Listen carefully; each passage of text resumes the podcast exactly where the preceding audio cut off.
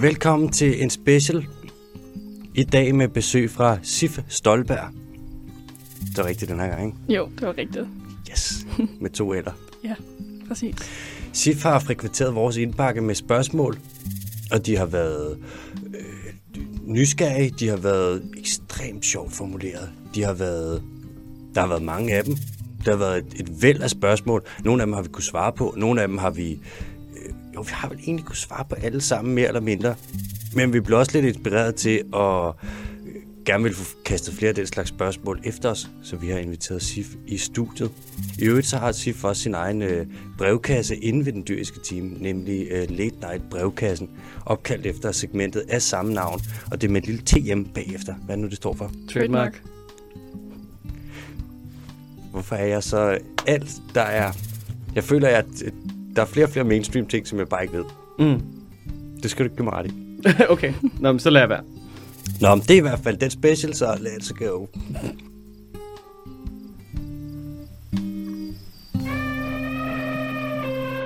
Sif, øhm, velkommen til. Tusind tak. Velkommen til Frederiksberg. Tak. Det er, øh, det er det runde bord. Det er planten, der har siddet og lyttet, mens vi har svaret på alle spørgsmål for dig. Så er det mig Bondo, som sidder klar for første gang nogensinde uden øh, computers. Vi har ikke nogen computer. Jeg synes, det var så nervepirrende at lade den ligge derhjemme. Det var helt forfærdeligt. Jeg, er Jeg kunne slet ikke have det. Jeg har det som om, jeg skulle til eksamen, og jeg har ikke kunne forberede mig. Mm. Vi kunne principielt, så kunne du jo bruge det næste stykke tid på kun at stille spørgsmål, som vi ikke kan svare på, og så udstille os som uvidende. Ja, så ideen er, at du har jo fået opkaldt et late segment efter dig. Ja, Kan du stadig Korrekt. huske, hvad det første spørgsmål var? som jeg stillede? Mm. Uh, det kan jeg Altså- faktisk ikke huske. Nej, det kan jeg faktisk ikke. Det må jeg indrømme. Jeg har simpelthen stillet så mange spørgsmål. Jeg kan, ikke, Okay. jeg kan ikke huske det. Ja, jeg kan heller ikke huske det. Jeg kan huske, at der kom spørgsmål ind, og så mange spørgsmål, så det er jo mig, der sidder og skal administrere dem med den indbakke, og jeg er så dårlig til det. Og så når der kom spørgsmål for dig, der var jeg altid sådan, det der, det er fucking godt. Tog det med, og så var der nogen, der opdagede, at de måske blev sprunget over. Så var de sådan, ja, hej, jeg hedder ikke Sif, men jeg vil gerne have mit spørgsmål med alligevel. Der var, der var en lille navneskift til SIF på et tidspunkt for at få deres, øh, deres, Ja, det er deres rigtigt, spørgsmål ja. med.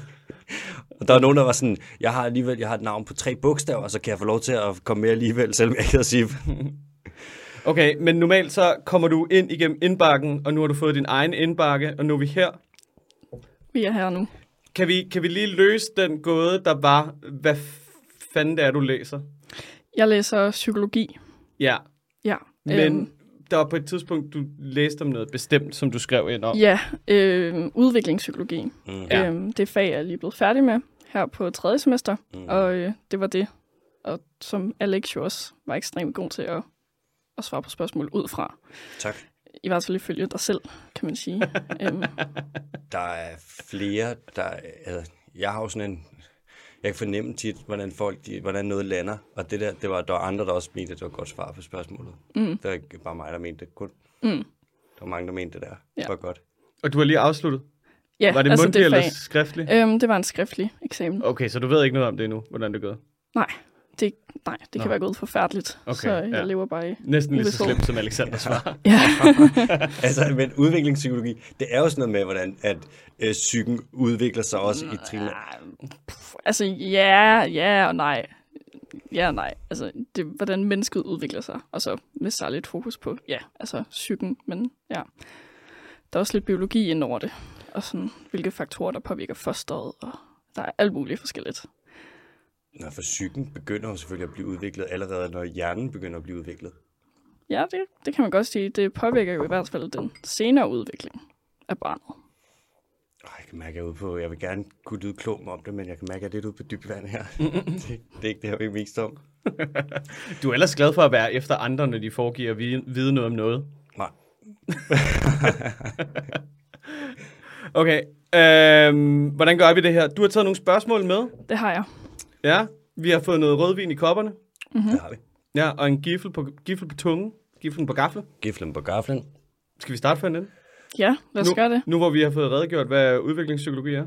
Ja, jo, ja, jeg er ikke sikker på, at det er sådan en sikker- korrekt øh, definition. Men, øhm, Jeg er sikker øhm, på, at det der var en 12 til eksamen. Ja, det krydser fingre.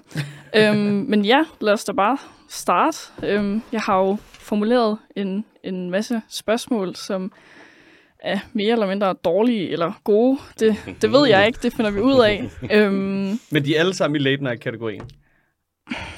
Næsten? ej, det vil jeg ikke sige, men det er ting, jeg har tænkt på, Okay. når det har været Ja. altså late night. Mm, Så ligger jeg der, skal til at sove, tænker, tænker, Tænker så kommer tanker. De, tænker tanker, som man jo gør, Mm-hmm. øhm, og så kommer de her spørgsmål. Så øhm, øh, ja, altså, jeg har jo lagt mærke til, at der tit bliver stillet spørgsmål i forhold til sådan, oh, hvilket dyr vil vinde, vil den her slange vinde over Mm, bjørnen, eller sådan mhm. alt det her. Øhm, og jeg har lagt mærke til, at det er typisk bjørnen eller flodhesten, som ser ud til at ville vinde. Mm. Og så tænkte jeg jo bare, hvem vinder bjørnen eller flodhesten? Altså når de to er op mod hinanden. Fordi begge to er jo stærke, og sådan en bjørn kan jo slå med en enorm kraft mm. med sin pote, Mhm. men en flodhest er også bare virkelig stor, og den har et stort gab. Mhm. Og begge, i hvert fald hvis det er isbjørn og mod en flodhest, Mhm. begår sig jo ret godt i vand. Så hvordan vil det ligesom fungere? Øh, jeg tror, Ja. ja, det er en flodhest. Den vinder. Hvor foregår kampen hen? Jamen, det er jo det. I Jørgen. Øhm, Godt. Hvad gør det for en forskel? Jamen om det altså, og hvor lang, hvor lang tid har de til at slås? åh, Okay, øh, du kører simpelthen et aspekt ind der. Sådan noget war of attrition, siger- hvem der først løber tør for rationer. Yes, og det er jo begge to er jo sådan, okay, en øh, flodhest, jeg tror, den er lige sådan at røre ved som et næsehorn.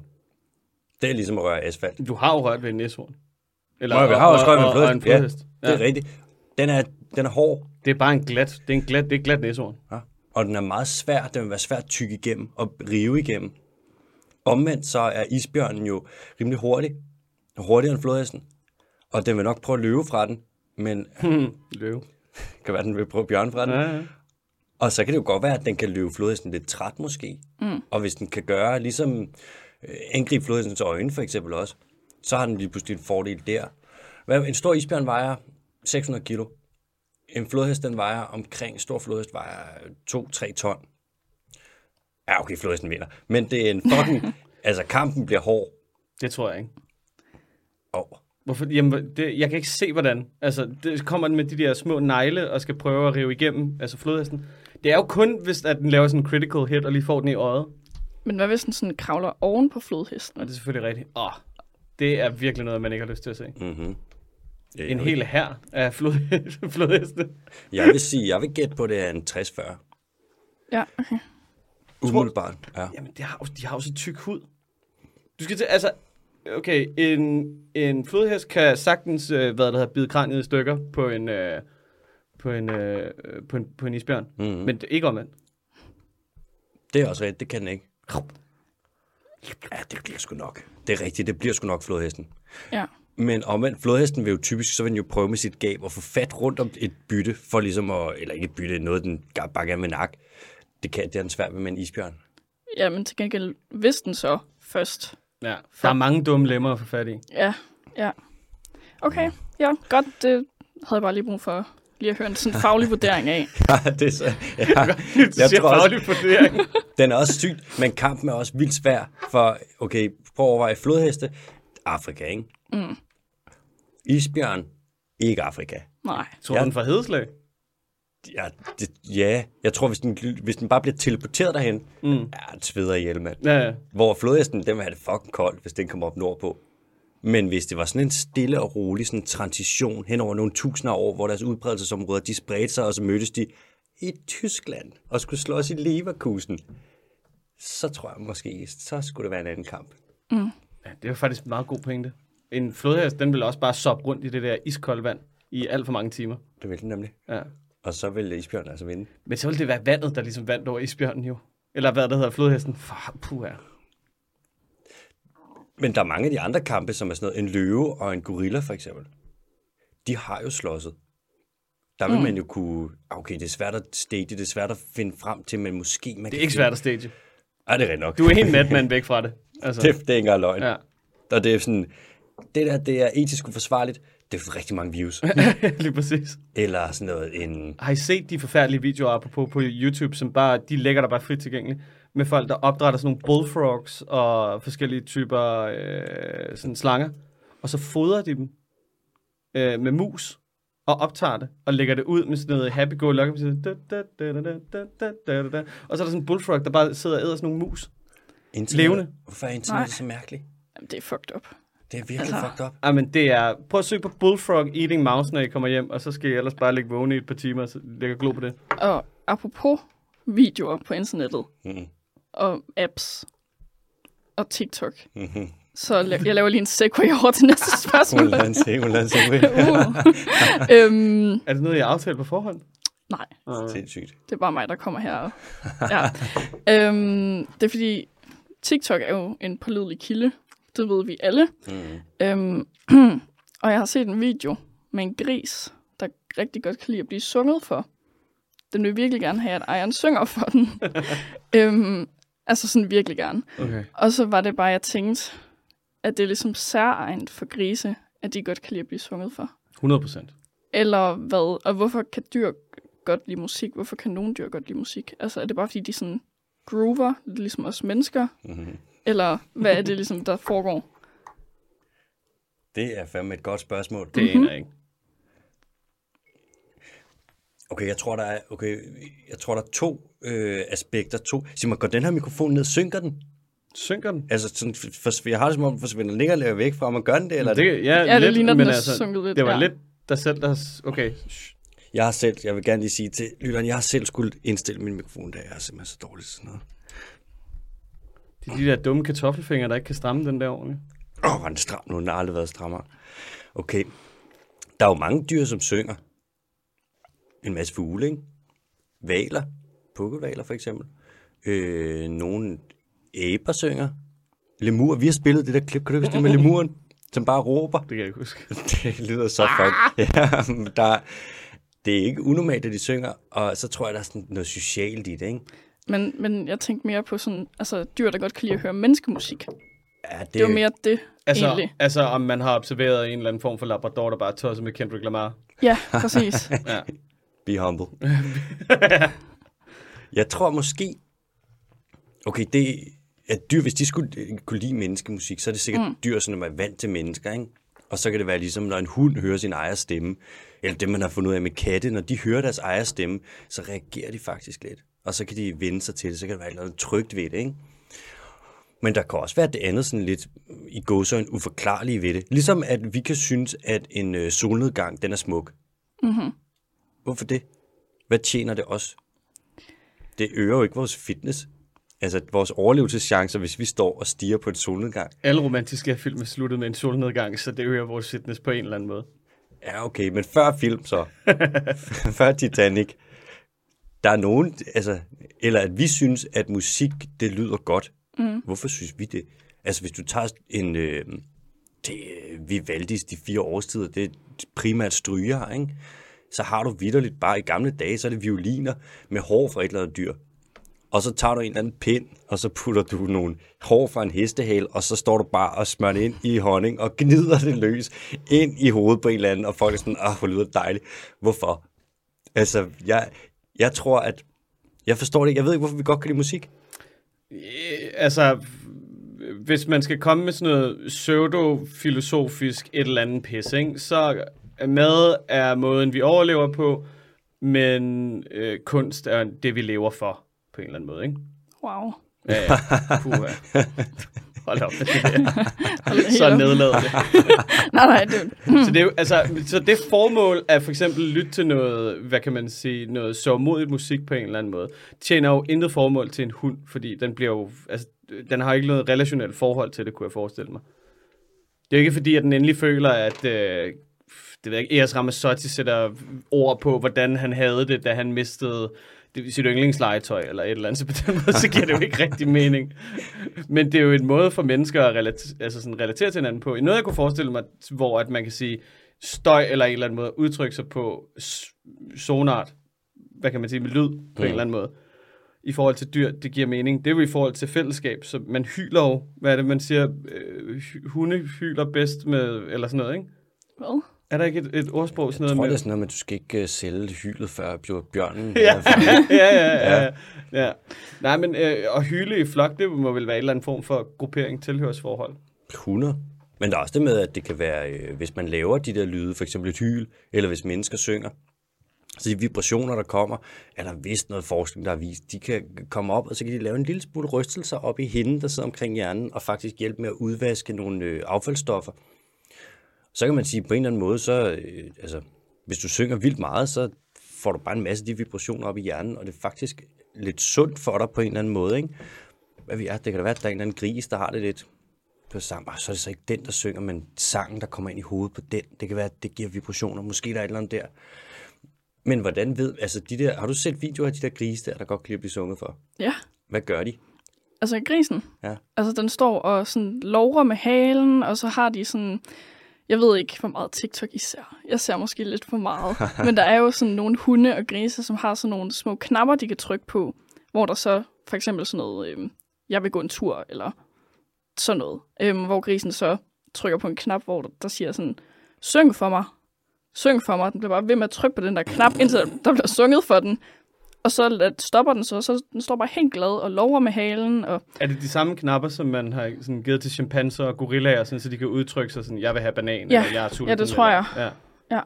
Okay. Så det, det så jeg bare her forleden og tænkte, wow. Men er der ikke også noget med, at, øh, at, man, at de, det er garanteret, fordi de slapper af på en eller anden måde? Altså lidt, øh, kan du huske, vi har snakket om det der med, at grunden til, at folk godt kan lide dansk vand, det er fordi, at så rammer det, bobler det på smertereceptorerne eller sådan noget, så udløser du serotonin. Så det er derfor, der er nogen, der godt kan lide det sådan lidt sadomasochistisk, at det gør sådan lidt ondt, men mm. det er Mm. lækkert. Sådan noget afvand. Ja, og på en eller anden måde kan det jo godt være, at der bliver udløst et eller andet form for stof, som er godt for grisen på en eller anden måde.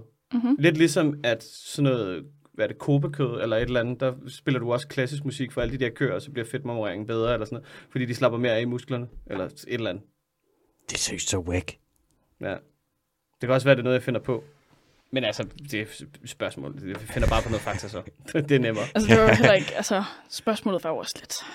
Det er et svært spørgsmål, men det, er- fordi det kom ud i det område, hvor at, måske man godt ved det.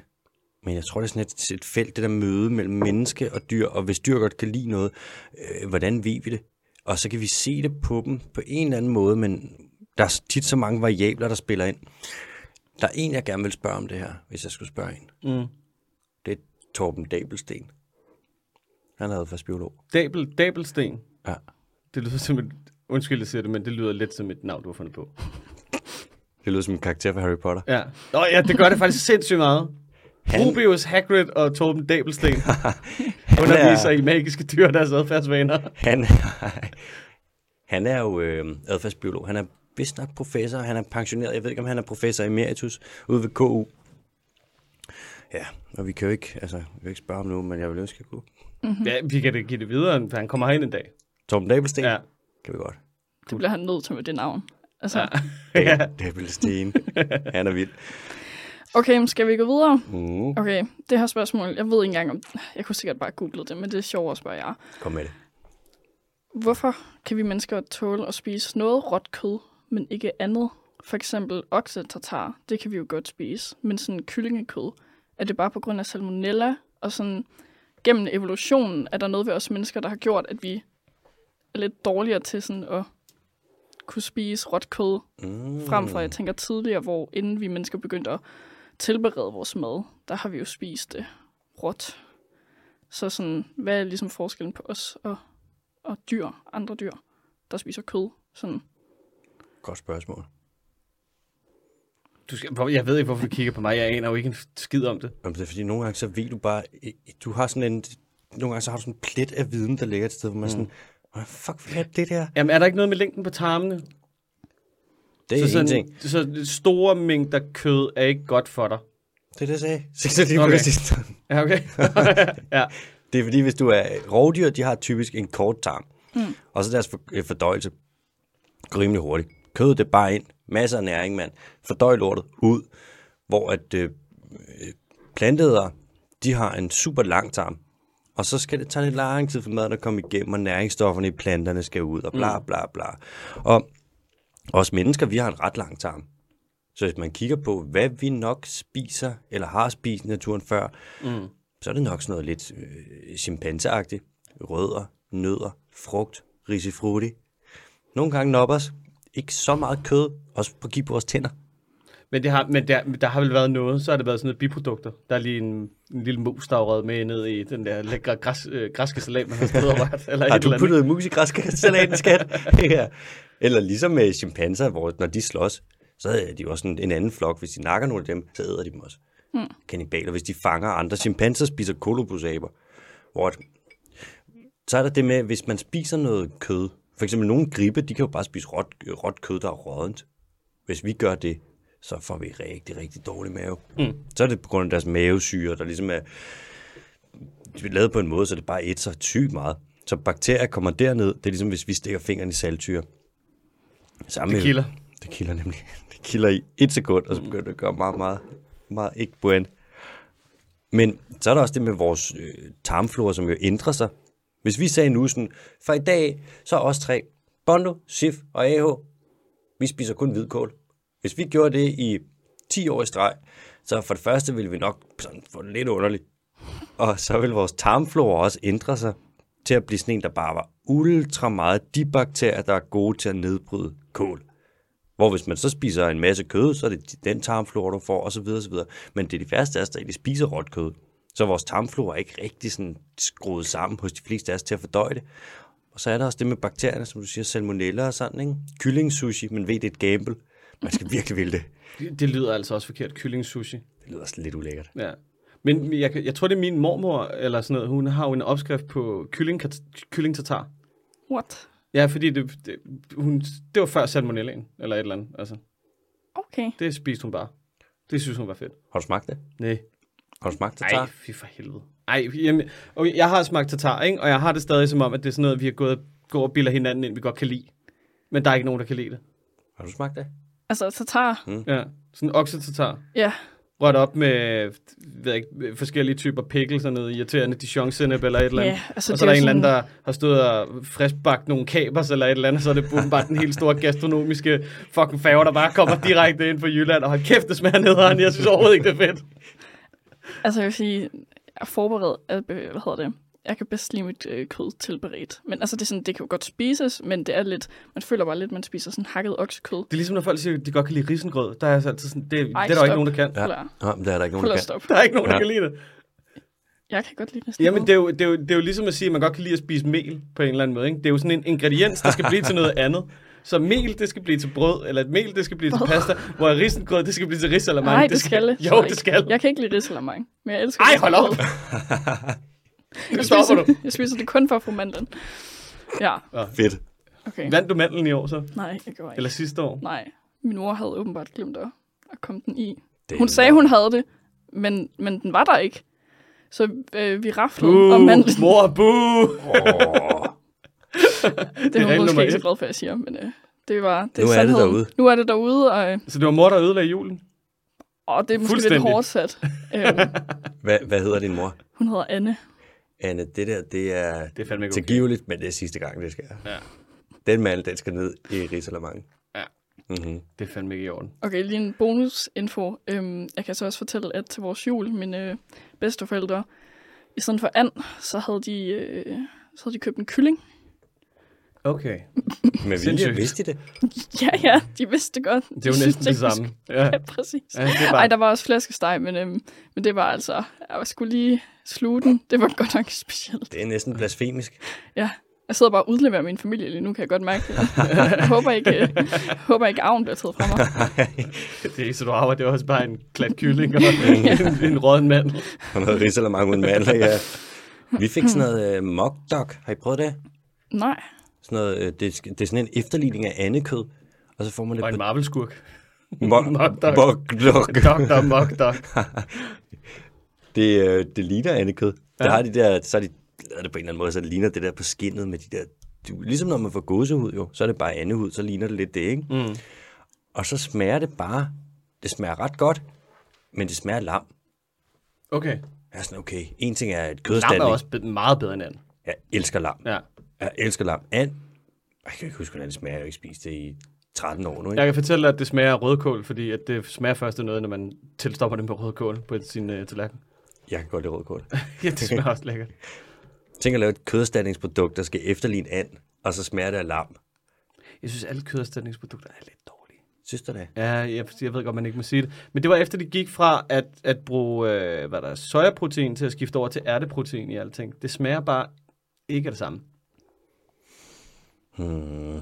Det er blevet lidt Jeg, ved dårligt. ikke. jeg tror, at hemmeligheden er, lad være med at spise kød så lang tid, du fuldstændig glemmer, hvordan det smager. Mm. Og så efter lang nok tid, der er du bare sådan, du har clean slag, og du, alle kan bilde dig ind, at kød smager af hvad som helst. Jeg spiste ikke kød i 8 år, og jeg glemte altså sådan ikke et eneste sekund, hvordan kød smagte.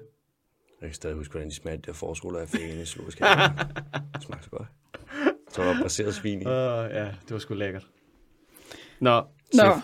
Ja, lad os komme til det. Kast efter os. Ja, det er fordi, hannerne i dyreriget, Mm. de er jo typisk større end hunderne. Så hvorfor er det nogle gange, hvorfor er det omvendte nogle gange tilfældet? For eksempel blåvaler, nogle insekter, der er hunderne ligesom større. mine forældre. Også det, så sådan, altså, hvilket formål har det, at hunden i det her tilfælde er større end hannen? Det der, det er et sygt godt spørgsmål. Tak. Og så, du, jeg tror ikke engang, jeg tror ikke engang, du er klar over, hvor godt spørgsmålet faktisk er. For en ting er sådan, spørgsmålet i sig selv, det er sindssygt. Det lægger op til øh, alt muligt. En anden ting er også, at øh, du tager fuldstændig fejl. Og det gør næsten alle. Så det er 100%, altså det er det, man tror. Og det ligger også implicit i spørgsmålet. Det er fuldstændig omvendt. I dyreriget, der er det faktisk ofte hunderne, der er størst. Nå, Og hannerne, der er mindst. Altså hannens funktion i dyreriget, hannen er en klunk. Hannen er bare sperm. er det ikke også sådan med mennesker? Nej. han, jo, det er, helt, det er det jo. Det er man må gerne sige det. Altså, det nemmeste i hele verden, det er jo for... Altså, jeg er bare sådan en klump sperm, der går i Fitness World. Jeg er en klump sperm, der, der siger er det god til altid, at klatre. når folk Jeg er en klump sperm, der bor på en båd. Jeg er en klump sperm, der... Det er sådan lidt, når folk spørger, ham der Bondo, hvordan er han i det? Jeg er Sådan, han er bare sperm. Jeg er bare en klump sperm. Han er bare en klump sperm. At Du kunne godt, der er jo nogle arter, hvor at, så kan de for eksempel lave det, der hedder partenogenese, hvor at en hund, hun kan lægge øh, ubefrugtet æg, og så kan der godt komme unger alligevel. Men altså, en han lægger jo ikke æg. En han er undværlig i dyreriget og i planteriet for den sags skyld. Det eneste, vi gør, det er at komme med noget genetisk variation. Så har du ligesom noget mixing, så har du noget DNA og noget andet DNA, og så blander du lortet, og så undgår du indavl, og du undgår øh, kloning. Kan du huske, at du har nævnt det der med, at du ved, der er nogle, der er nogle dyr, hvor der er rigtig, rigtig mange hunder. Mm. Nej, der, er, der er rigtig, rigtig mange hanner, og så er der en hund for eksempel. Men Mm. hvis den hund dør, så er der ligesom... Så hvem skal så være den næste hund? Og så gennemgår de sådan en proces, hvor de skifter fra han til hund. Det er myrerne. Det er myrerne. Der er nogle myrer, der gør det. Men er der ikke også, der er der mange andre, er der ikke også noget med klumpfisken gør det? Eller er det omvendt? Der er nogle fisk, der laver, hvad fuck er det, de hedder? Åh, oh, det kan jeg ikke huske. Der er noget med klumpfisken, den skifter Gør den det? alt efter, ja, den der, der bor i anemonerne, der... Ja, Klovnefisken. ja klon, Klumpfisk. klonfisken. Nemo. Klovne. Ja, for helvede. Nemofisken. Ja, ja. Det er jo altså, i virkeligheden... Det er Jeg manglede bare en vokal, hold lige op i det der. det er jo... Det er jo ikke umuligt, det der med at skifte. Altså, der er nogle kønsdele, der lige skal laves lidt om, og noget modifikation, der skal ske, og sådan. Det er ikke en umulighed. Men jeg tænker bare, jeg synes altid, at jeg hører om, at det er mænd, der skifter til kvinder, men jeg synes aldrig rigtigt, eller hvad er det, hanner, der skifter til hunder. Hvis du sjældent, men du er kommet med eksempler, hvor det er hunder, der skifter til hanner, at det sådan, der har været én alfahan, og så når den alfahan dør, så er der en hund, der skal skifte over til at blive alfahan agtig Det giver faktisk meget god mening. Der er altid for mange hanner. På en eller anden måde. Det er også nemmest at være han. Altså, hannerne skal yngelpleje dem, hvor det er hannerne, der gør det. Det er sådan, okay, så har du... Ja, vi er meget stolte af søhesten. Altså hele det mandlige køn. Så Ja. ja. prøv at kigge på søhesten, mand. Kig Vi trækker også vores del. Kig, det gør jo sit. Så er der strusen, hvor der også er noget yngelpleje, hvor det er handen, og så er der selvfølgelig pattedyr og nogle fugle, hvor man ser, det er faktisk en del fugle. Men ellers, det er meget nemt at være han. Du sparer ind, så spærmer du, så skrider du. Og så er det hunden, der står med alt yngelpleje, alting. Og også det med at blive gravid, eller rende rundt og være med æg. Det er jo en, man er jo super sårbar, altså. Det er jo ligesom, når man har, altså på jul, hvis man har forspist sig, og man bare må lægge ned, man kan overhovedet ikke noget. Det er bare det, bare i lang tid. Sådan det er at være gravid. Ja, fordi det ved du. Nemlig Ja. af egen personlig erfaring. Det er fuldt, ja, 100 procent. Du har snakket med mange hunder i dyreriget. Ja.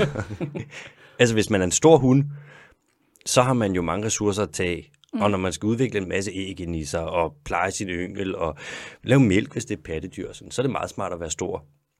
Og det er smartere at være øh, større end handen. Hvis du kigger på slanger for eksempel, så er det oftest hunderne, der er størst. Fordi hannerne skal som sagt ikke noget. Altså, der er nogle slanger, hvor hunderne Skal giver det til badminton, eller til paddeltennis, eller et eller andet? slankmenton. de skal jo bare... Er det, er det derfor knæleren, den bliver så sur på handen, at den bare spiser, spiser ham? Ja, det var skal ikke faktisk lidt et tillægsspørgsmål, Ja. jeg havde. Det er sådan, hvorfor er det, at hunderne nogle gange spiser hannerne efter parring og sådan noget? Altså, hvorfor? Er der ikke også edderkobaber, der gør det? Der er jo... Det er jo... Hvorfor skulle de ikke gøre det? Det er jo en snack. Det er det. Og hvis du har knæler øh, eller edderkobaber, så har du, altså hannerne, de er super små, hunderne, det er bare nogle ordentlige nogen. Så kommer sådan en lille snack der, kommer den lige ind, så spærrer man, så sådan, hvorfor skal snacken bare have lov til at gå? Altså hvis der er chips, så spiser du dem. Mm-hmm. Også hvis der er dip jo. Altså. Mm, det er det, Darwin man siger. noget dip. Det er det, Darwin sagde. Hvis der er chips og dip, Men hvad er, hvad, hvad, er, for, hvad er fordelen ved, at- ved at spise dem? Er det bare, så kan han ikke dele generne videre -agtigt? Så det, det er kun mig. det er bare næring. Er det bare næring? Det er rovdyr. Er det også derfor, de spiser deres øh, moderkage? Nogle dyr, efter de er født? Ja. Altså patdyr? Næring, Det er bare kun næring. præcis. Det er, altså, jeg skal huske det der med... Har du, har du skrevet det til vores veninder, der ligger højgravide lige nu? Sæt med en opskrift. Nej, Moderkasse smoothie. Ej, øv. Men man, det er jo næring, og der er meget sådan... Er der ikke sådan nogle stamceller og noget, der kommer ud med Jo, jo, det? Der er det alt muligt, som er sådan lidt noget... Som er super sundt, super nærende. Men hvis man så er en stor han i dyreriget, Stor han. stor han, Stor han. hvis du er en Stor stor løv mand, han. Så er det jo typisk, hvis du skal slås, og du skal slås om hunderne. Der vil, så vil der være i nogle områder flere hanner end hunder. Og så er der andre tilfælde, hvor at det er hunderne, der har så et harem af hanner. Fossagen for eksempel. Den der underlige kattelignende, det største rovdyr nede på Der Madagaskar. har sådan nogle tallerkenører, har den, ikke? Jo, den har faktisk nogle små, meget små, runde, små, søde ører. Ja. Det ligner sådan nogle rigtig bjørneører. Sådan rigtig Pokémon-øre. Den er Pokémon-ører. Ja. Og hunden er, altså, alting ved det dyr er mærkeligt. De, hannerne har en super lang, meget tynd penis. Og så inden har de en knogle. Det er meget normalt, at nogle dyr har det. Så hunderne, de har en super lang klitoris, der er lige så lang som mandens penis. Og inde i den har de en knogle, som hedder en os clitoridis.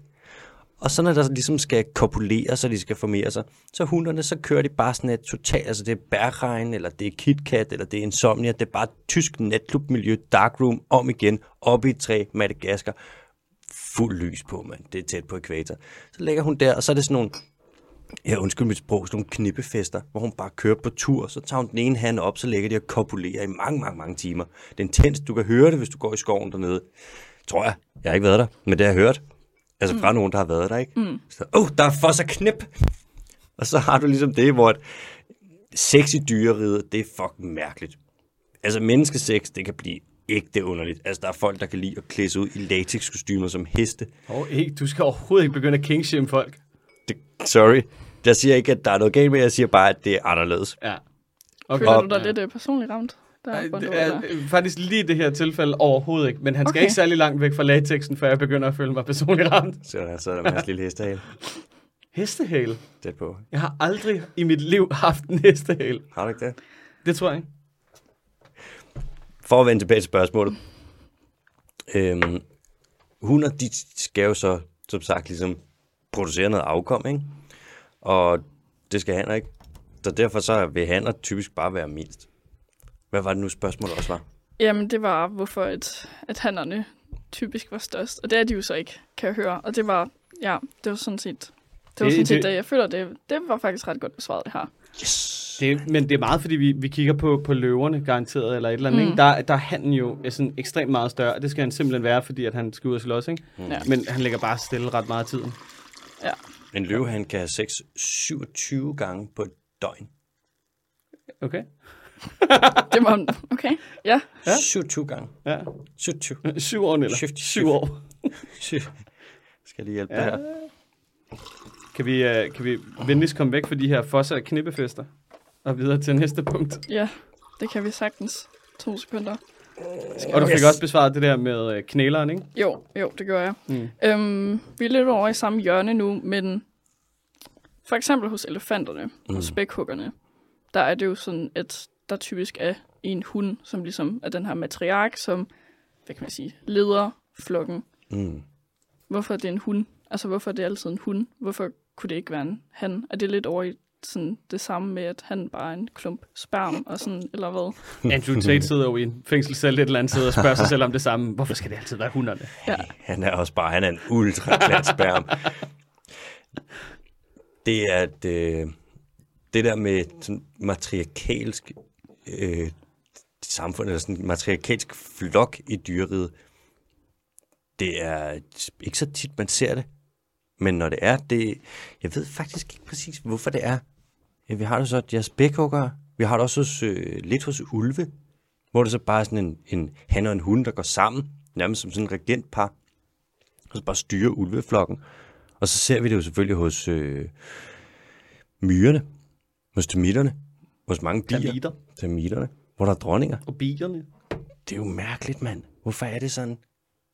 Det Altså, det, jeg spørger tror, i, i sådan lidt mere øh, komplekse familiekonstruktioner, så giver det sådan meget god mening i dyreriget, hvis at, eller at man snakkede om, altså, hvad kan man sige, bestemmer, altså grad af bestemmelse på forskellige niveauer på mm. en eller anden måde. Fordi, jeg siger i tilfælde af, af elefanter eller løver eller et eller andet, så giver det jo god mening, at en klat sperm, der kan slås, går rundt ligesom og er, du ved, patriark på den måde. Ikke? Det er Mm. mig, der slås, hvis der sker noget. Ui. Og så er det ligesom mig, der ryger af pinden, hvis der kommer en anden stærkere han. Mm. Men hvis man kigger på det fra, øh, hvad der hedder, øh, gruppens, hvad kan man sige, overlevelse eller et eller andet, så hvis du tager altså hunderne ud af billedet i de fleste flokke, så kunne jeg da forestille mig, at de ville kollapse relativt hurtigt, fordi der ikke var nogen til at tage sig af ungerne. Mm. Øhm, så på en eller anden måde, så giver det jo meget god mening, at der er matriarker, eller at man i hvert fald snakker om det på forskellige niveauer, at så kan man sige offensivt, der er det handen, der ligesom er patriark, mm. men defensivt, du ved, når vi passer på derhjemme, så er det hunden på en eller anden måde. Han har fandme svært ved at give mælk, altså, kan man Der- sige. Det er meget, meget, meget sjældent. Der er kun et pattedyr, hvor det kan lade sig gøre. Hvad er det? Det, Er det, er det også, er det også to? det er min kammerat Mikkel. Han lakterer.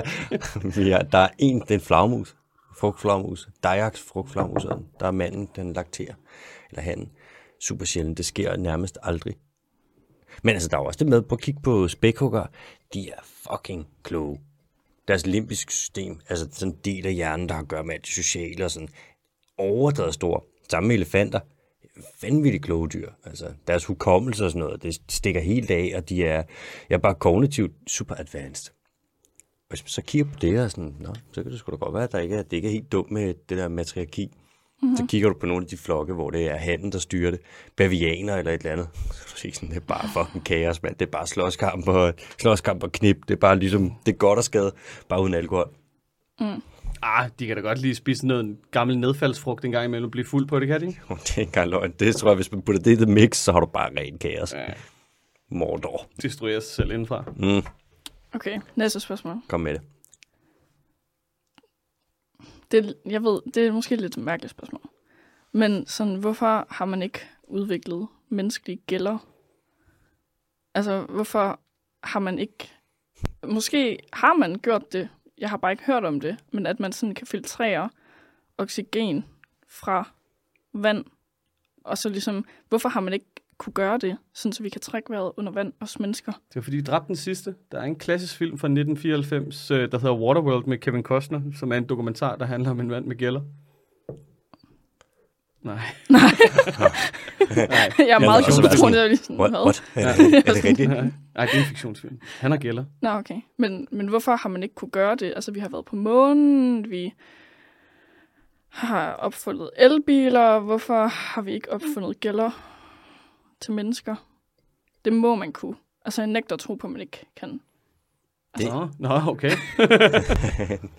Det er et sygt godt spørgsmål. Tak.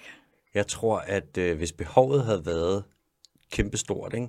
Jeg synes, det er stort. Jeg vil gerne kunne trække vejret under vand. det vil jeg fandme også. Det kunne altså, være for hvem vil ikke gerne kunne det? Hver gang jeg har set... Øh, Nu kan man da sige, der, der, er, der, er lidt et, der er lidt en afgrund imellem, hvad man gerne vil, og hvad der er sådan evolutionært brug for. Jeg vil gerne flyve. Okay, jeg hvor vil er gerne ikke flyve. længere? vi, har vil jeg en, vi har gerne. en, der gerne vil flyve over. Hver gang jeg ser Harry Potter 4, så får jeg også lyst til at bare kunne svømme rundt sådan der. Præcis. Jeg tror, vi har har jo store fede fødder. Store, fede svømmefødder, du og gælder. Men jeg mener ikke sådan, jeg mener ikke sådan evolutionært set, hvorfor vi mennesker ikke har gælder. Jeg mener sådan, hvorfor har vi ikke opfundet Rent en form teknologisk. for, ja, rent okay. teknologisk. Altså, det var mere det, jeg tænkt på. Nej, vi bare har kigget på en fisk og sagt sådan, den gør sådan her. Ja. Det burde vi kunne replicere inde i laboratoriet. Præcis. Og så har man sådan en lille mundstykke, man kan prøve i munden, og så er det slut. Ja, lige præcis. Okay, ja ja, jo jo, jo jo. Det, det ved du, Alex. Det kan jeg huske, du nævnte på et tidspunkt, det vidste du alt om. Ja, jeg har så blæret med har jeg ikke det? Jo jo. Åh, det var afsnit 4. Jeg Det tror, må vi, også være noget med de mængder af oxygen, man skal kunne udvinde, det ikke? det tror jeg helt sikkert. Og jeg tror, hvis man kigger på okay, gælder, hvordan de ligesom er konstrueret, det der med så fisk, så svømmer de igennem vandet, og så strømmer der bare en masse vand hen over deres gælder. Og så på gælderne, så er sådan et overfladeareal. Altså gælder, det er jo lidt ligesom lunger, der bare er vendt på vrangen. Hvis vores lunger var vendt på vrangen, og vi var i oxygenholdigt vand, så kunne vi måske godt udvinde oxygenen af det. Men jeg tror også, der er det med, okay, nu tænker jeg bare højt her. Mm-hmm. For det første, vi har dykkerudstyr. Mm-hmm. Og så tror jeg, så er det der, så det behov, der er for folk, der er man sådan, ja, hvis du vil dykke, så bare, så må det være med flaske. Men så er der også det med, at hvis jo højere temperaturen er på vandet, jo mindre oxygen er der i det. Hvis du har super varmt vand, så er der næsten ikke noget oxygen i. Det er derfor, at mange fisk i troberne, de faktisk har lunger, så de kan komme op, og så kan de suge en mundfuld vand. Luft. Ja, en mundfuld, ja, luft, sorry. What? Det er det, hvis I ind i øhm, den blå planet, så har de de der arapacaer, tror jeg, de hedder. Sådan nogle kæmpe store fisk fra Amazonas. Det lyder som en papegøje. Den ligner næsten også lidt en papegøje. Mm. lidt farvestrålende. Det, alt ved den er bare tropisk. Man er sådan, jeg har ikke lyst til at spise dig, men jeg vil gerne vide, hvordan du smager. Den kommer op en gang imellem, så kommer de lige op, og så suger det lige en mundfuld luft. Det er jo fordi, at der er ikke nok ilt i vandet. Hvis du så har et super koldt vand, så kan du have så lidt. Altså, der er en fisk, hvad fanden er den hedder? Det kan jeg ikke huske, men som har gennemsigtigt blod. Fordi der simpelthen er blodcellerne, alt det, der ligesom skal opfange den oxygen, der er i vandet. Der er så lavt behov for, at det skal være effektivt, fordi der er så meget oxygen i vandet, fordi det er så pissekoldt, at blod ikke engang har noget farve, det har nogen farve. Men hvis vi skal svømme rundt med gælder i vand, hvor der er meget oxygen, så bliver det vand, det, kommer, det bliver også nødt til at være meget koldt. Hmm. Og der tror jeg, det er der, hvor man tænker, okay, det er en udfordring. Hvis det var det varme vand, der var masser af oxygen i, så ville det jo lige pludselig være sådan noget som at altså, dykke rundt i koralrev og alt det der. Det ville være nemmere, hvis det var pisse koldt, ikke? men så kan vi ikke rigtig være i det, så det gider folk ikke. Jeg tror, det er de ting. Men det er også et godt spørgsmål. Altså, hvis der var nogen, der opfandt sådan en lille altså sådan en mundharmonika, du bare kunne trække vejret igennem i Det vand. har de jo i episode 1, Ring, øh, Star Wars.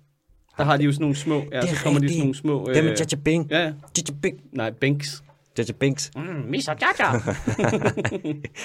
Hvis vi opfandt det, ikke? Hun, er, hun er så meget med på den her joke. Hun elsker Star Wars. Hun så det så sent som i forgårs. Mm. Har du set, har du set Star Wars? Nej, hun har Nej, det er rigtigt. Jeg sidder bare, Jeg kunne se på hende. Hun anede ikke, hvad vi snakker Har om. du set Ringens Herre? Godt nok. selvfølgelig har jeg Godt nok. Uh, okay, shit.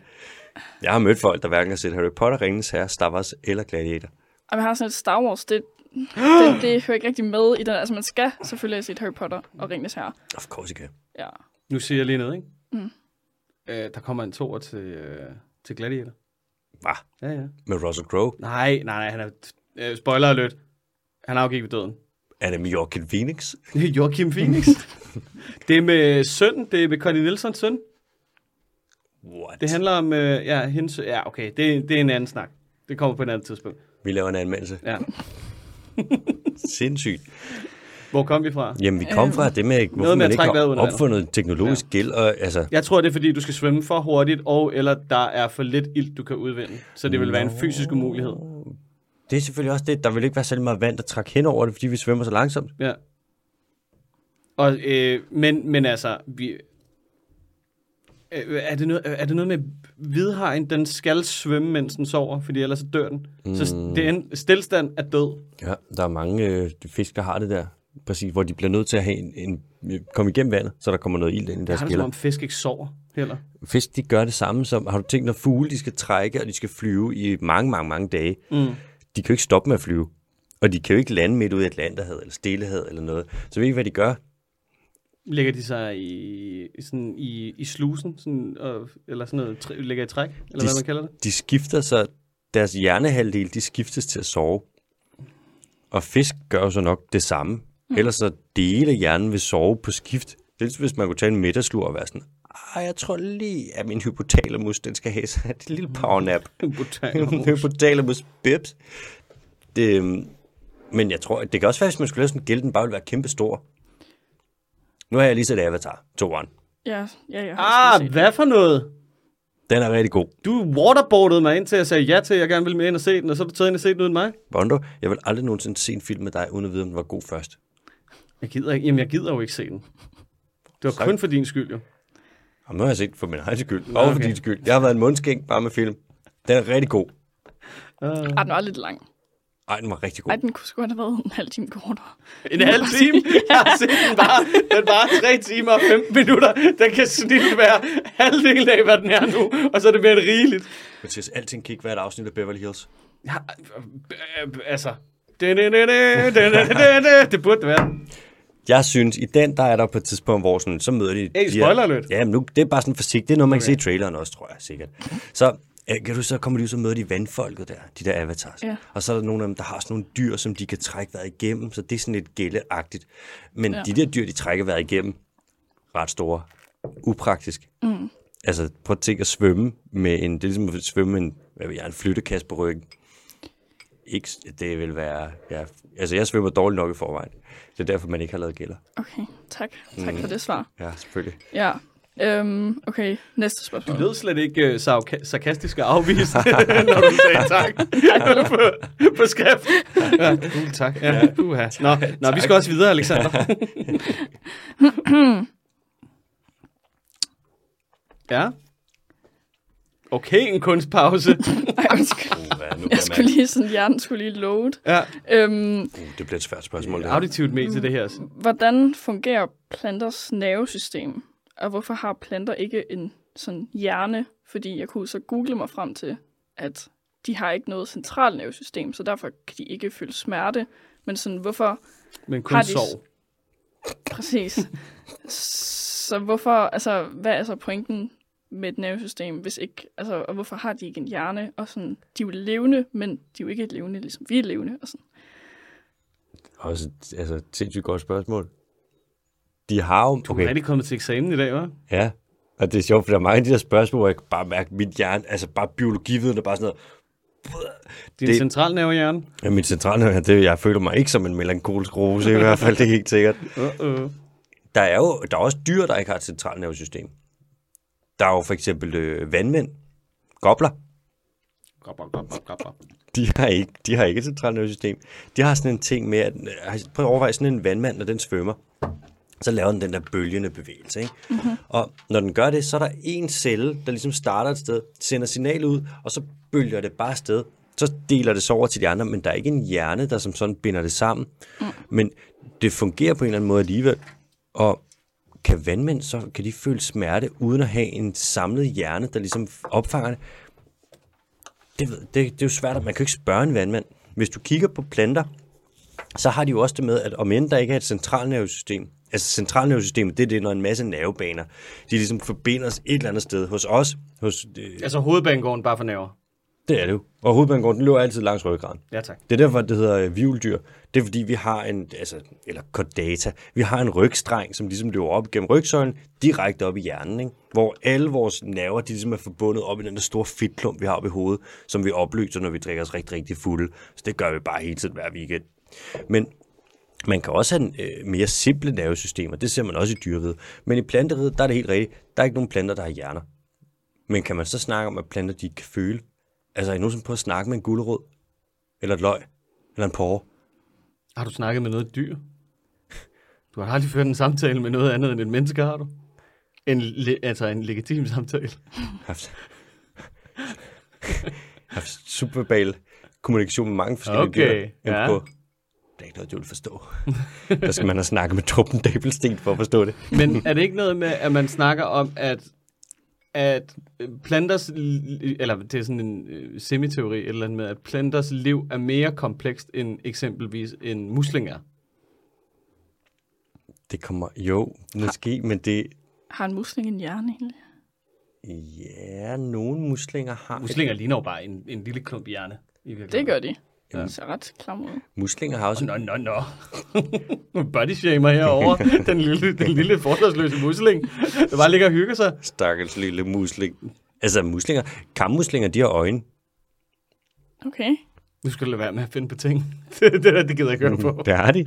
Hold kæft, Alexander. Den er god nok. var den røv. Er det derfor, at de har også har øjne i den der mobilreklame?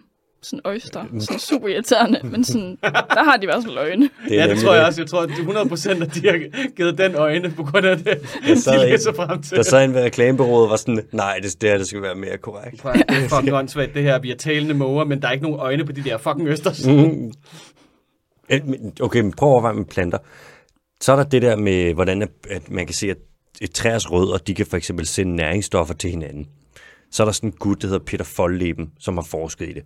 Eller ikke rigtig, han er ikke rigtig forsker, han er egentlig sådan en skovgut. Hvad fanden er det, de hedder? Han er en Arborist? Arborist. Han er skovgut. Han er elver. Ja, Han er elver. Ja. Yes, okay. Og han har skrevet en bog, der hedder... Åh, jeg kan ikke huske, hvad det er, men han er i hvert fald Peter Foldleben, som Secret Life of... Nej, det er ikke Secret Life of Plants. Den hedder noget med When Trees Talk, eller sådan noget. Hvor at, jeg læste noget af den, og var sådan, hvad, det her, hvad er det for noget øh, pseudo-faktuelt pis? Så han havde bare kildehenvisninger på helt lortet. Og det er peer-reviewed artikler. Altså, det er straight up, det er legit forskning, som er i anerkendte journaler med høj impact factor. Det er ligesom at læse Graham Hancock, bortset fra, at det her det er faktuelt funderet. Hvem Graham Hancock? Nej, det må du have læst. Det er det, jeg siger. Ikke noget mainstream. Jeg kender det ikke.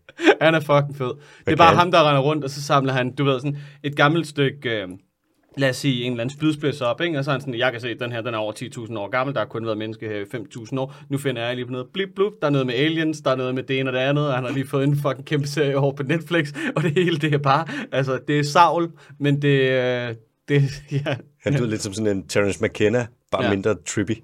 Jamen, han har været inde hos... Øh, han, han, var, han har imponeret vores, øh, vores yndlingspodcast vært, Joe Rogan. Det er ikke så svært. Nej, lige præcis. Den mest naive skeptiker. Ja. Ja. Jeg vil altså sige med Joe Rogan, underholdende fyr, men efter han har haft Lomborg inden, mm, mm, mistet meget for ham.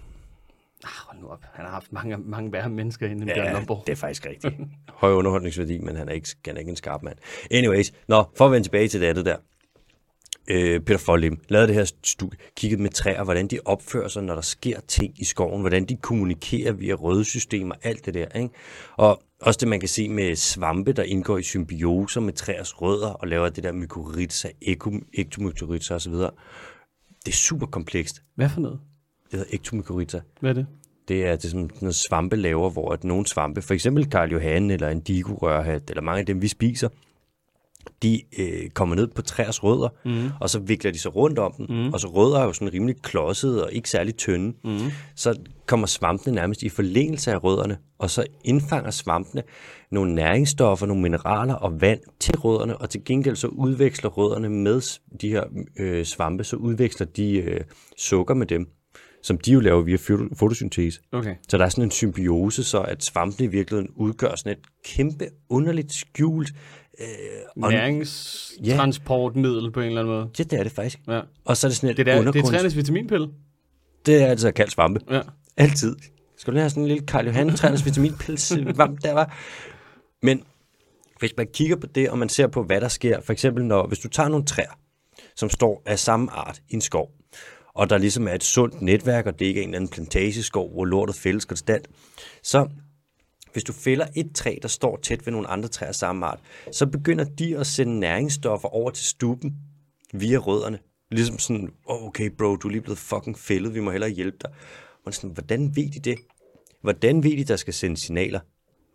De her næringsstoffer, der ligesom bliver, eller de her signalstoffer, hvad for et centralnervesystem er det, der opfanger dem?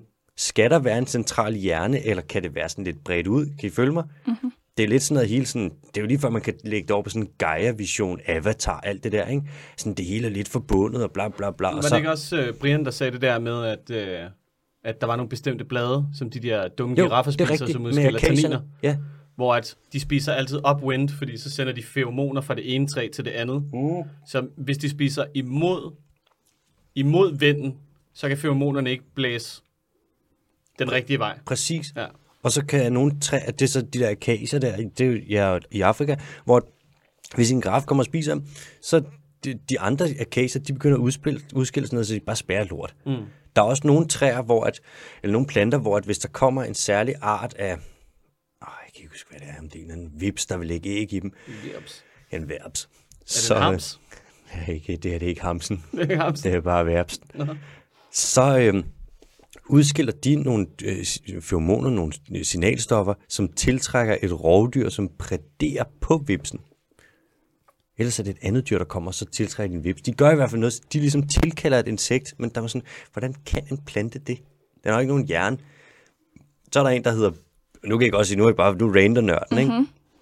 Der er en gut, der hedder Bohm. Jeg kan ikke huske, hvad han hedder til fornavn. Men han kom med en bog, vist nok en gang i 80'erne, som hedder The Secret Life of Plants. Det er Bohm, B-O-H-M. Er han sådan lidt prince Han hedder bare Boom. Er det, er det tysk for prinsen? Mm. Nej, Prince, altså, som i, fordi han har kun et navn. Altså Prince, Madonna, Beyoncé, Nå, for det. Han hedder, så skrev Bohm en bog. Han Den, har øh, udgivet en ny single. den hedder bare planter. Den der Peter Follim med træerne, den bog, der er kilder på hele lortet. Ja. Den her, Bohm har skrevet, nej, Nej, bare Pixie-bog. det er Pixabog. Ja. Og altså samtidig så er det en, hvor han bare påstår alt i verden. At han kan måle planternes Det er Graham puls. Hancock. Jeg lover dig, I skal se. Jeg læste de første side købte den, og var sådan, uh, det så flot ud, og alting er nysgerrig, og læste lidt, og var sådan, der er et eller andet med det her, der virker sådan lidt pseudofaktuelt, måske. Det synes jeg bare er grineren, at du alligevel kan vurdere det, fordi der er nogle gange, men altså, så kommer han med et eller andet mærkeligt fakta om et eller andet dumt dyr, ikke? hvor man tænker, det er jo bare noget, du har fundet på. Mm. For eksempel det der med, at der er jern i øh, skorpionhalen, eller hvad fanden mm. det er, eller sådan noget. Ikke? Det lyder jo også som noget, der bare er fundet på. Har du lidt fundet på det, eller hvad er det, du prøver at sige lige nu? Har flere uh, lidt spørgsmål, Sif? Men for at vende tilbage til mine planter, vi forstår dem ikke rigtigt. Og øh, det kan godt være, at det er svært at kommunikere med dyr. Det er endnu sværere at kommunikere med planter. Det, vi ved ikke, om det er det sværere at kommunikere med svampe. Så er det ligger nede, er det endnu sværere? Hvis du Jeg spiser de det rigtige ikke. svampe, så er det nemt at kommunikere med hele verden. Og universet på samme tid. Tænker du på champions? ja, nej. Overhovedet ikke. Laver så er der champignoner, hvor du presser dem, og så får du champagne? Ja, drikker en lille kop te med champignon Så i Holland. Det er, og hvis der er nogen, der tænker, at der bliver opfordret til noget ulovligt, og hvis politiet lytter med, så er det ikke tilfældet. Og der bliver snakket om svampe, som dem putter i risotto. Mm. Præcis. Godt. Tak fordi du lige havde min også ryg der. Altid. Der er lige været gået galt. Altid. Men som sagt, øh, nervesystem og alt det der, Utroligt, det han bliver er, ved, det er bare det er et godt stort spørgsmål, og det er et område, som er ekstra... Altså, vores hjerne er så stor. Der er så mange milliarder celler, ikke? Hjerneceller, neuroner. Vores maver også. Så er der nogle celler, hvor de bare har sådan noget. Se, igen et stykke fakta, der lyder som noget, man finder på, ikke? Du har hjerneceller i maven. Altså, Det er jo også det, hvor man kan sige sådan, ej, jeg har en dårlig mavefornemmelse omkring det. Mm. Sådan, hvorfor har du aldrig en dårlig benfornemmelse omkring et eller andet? Men det er ikke også det, vi snakkede om, at det er sådan nærmest på alle sprog, der er de der sådan, altså fornemmelsesagtige omens, eller hvad man kalder dem, dem Mm. har du nærmest på alle sprog. Det er sgu da rigtigt, det havde vi nu om. Det er lang tid siden, er det ikke? Jo, jo, jo, jo. Det ligger vagt tilbage i mit hoved. jo. Men, Men det, har- men alt det der med, sådan, du skal følge dit hjerte, og du ved, jeg har en dårlig mavefornemmelse og sådan noget, mm. de findes nærmest på alle, alle sprog. Også hvor du kan bevise, at de ligesom har været der øh, forud for, at de her sprog eller stammer og folkefærd ligesom skulle have fundet sammen og kommunikeret med hinanden. Mm. Det er totalt Carl Jung, det der. Hvem er du, hvem er du mest fan af? Jung eller? Eller Freud. Mm. Selvfølgelig er det Jung. Nå, okay. Du har det på samme måde, ikke, Hvad? Du har det på samme måde, ikke? Jo, jo. Ej, jeg, jeg er så mest Freud, selvfølgelig. Hvad er den primære Nej. forskel? Freud er meget, det er barndom og mor, Ja, og Jung er meget... jeg vil sige, det er faktisk ikke Freud og Jung, vi har haft så meget om. Vi har kun lige, jeg tror, første semester. Selvfølgelig Freud, han går lidt igen i mange ting, og sådan et referencepunkt, men det er jo ikke ham, man som sådan bruger længere Nej. På den måde, vel, med alle de her forskellige. Vel, siger du, Faser. så man læser psykologi. Det er det Nej. ikke, vel? øhm, men, men sådan Jung har vi faktisk ikke haft særlig meget om, hvis noget overhovedet. Det er en fejl. Øhm, Det er en fejl. Jeg er enig med Bondo. Ja, okay. Øhm, så, så lige præcis det kan jeg faktisk ikke svare på. Og jeg vil jo så sige, at man læser jo simpelthen så meget på universitetet. Jeg kan altså ikke huske over halvdelen af det, jeg har læst. Det må jeg bare være ærlig at sige. Hvor meget tror du sådan, øh, semester- eller pensumagtigt, ikke? Mm. Hvor meget tror du, du læser om ugen? Ish. Hvor, hvor meget bør du, Ja, hvor hvor, meget meget- får du for? Mm, hvor meget er lektierne? Altså, fordi jeg fik rigtig, rigtig meget for, dengang jeg læste på øh, Roskilde Universitet. Det er ikke betydende med, at jeg læste det. Nej, læste altså jeg har ikke lige talt det sammen. Jeg, jeg, har, ikke, jeg har faktisk ikke... Et sted mellem sådan- 100 og 200 sider om ugen. Ja, det er nok meget passende. Så Er det meget eller lidt egentlig? Ej, hvis Eller er ikke dagen, mere. Jeg, ved, jeg ved det faktisk ikke helt. Ej, jeg, det har må faktisk, være jeg har overhovedet ikke styr på det, Mm. men altså, det er i hvert fald det er jo ok meget. Ja. Og det er jo bare, det er så meget info. Altså for eksempel et fag, der kan der jo være 1800-2000 sider for. på et semester, som er sådan fire måneder. Øhm, Ja. Og man kan ikke, jeg kan ikke huske det hele. Hvis der sidder nogen derude, der kan huske alt det, de læser på uni, altså, you go, men det er ikke mig. altså, det må jeg bare sige. Tillykke. Ja. go you. Jeg hader dig. God, der falder. Ja. Så øhm, Det er umuligt at huske så meget jo. Der er en øvre grænse, det tror jeg på 100%. Der er en øvre grænse for, hvor meget man ligesom kan mose ind i sit lille hoved. Der er jo nogen, der bare har den der helt vilde hukommelse. Jeg så, hvad fanden var det? Har, kender I øh, skakspilleren Magnus Carlsen? Mm, ham nordmanden der. jeg har hørt lidt om, men kun i forhold til sådan det der med, der var lidt... Nå, ham der med den der ting op i numsen. som Ja, snød. præcis. Ja, ja, ja. Ja, han tænker med numsen. Nej, men der var en eller anden, og så påstår man, at det var fordi Magnus Carlsen var oppe, og sp- han, han spillede imod en anden, en eller anden amerikaner, Ja, ja, som ja. havde sagt, at da han var yngre, så havde han snydt lidt på internettet, Mm. øh, når de havde siddet og spillet skak der. Og så havde Magnus Carlsen mødt ham her, amerikaneren, i en eller anden finale, eller i en eller anden kamp, eller hvad fanden det nu var. Og så efter to træk fra amerikaneren, der rejser Magnus Carlsen sig op, og så giver han op, og så går han. Øh, som, øh, det er ikke åbenbart særlig god kutume og sådan noget, men så begyndte der så at gå rygter om, at det var fordi, at modstanderen snød. Og så skete det så en gang til, så vidt jeg ved, ikke særlig lang tid efter, hvor Magnus Carlsen gjorde det samme, og så gik rygterne endnu, endnu mere. Og så var teorien, at han havde et ja, aggregat op i numsen, der kunne vibrere i forhold til, hvad han skulle lave af træk mod Magnus Carlsen, sådan så Magnus Carlsen spillede mod en computer, men igennem den her altså analindoperede vibrator. Okay. Ja. Jeg tror, at vibrator de bliver brugt til nogle fucking mærkelige ting nogle steder. Ikke? Det der, det må være det mærkeligste. Ja. En, en skak, en signal vibrator. Ja, ja, det var fedt. Nå, men ham i hvert fald. Ja.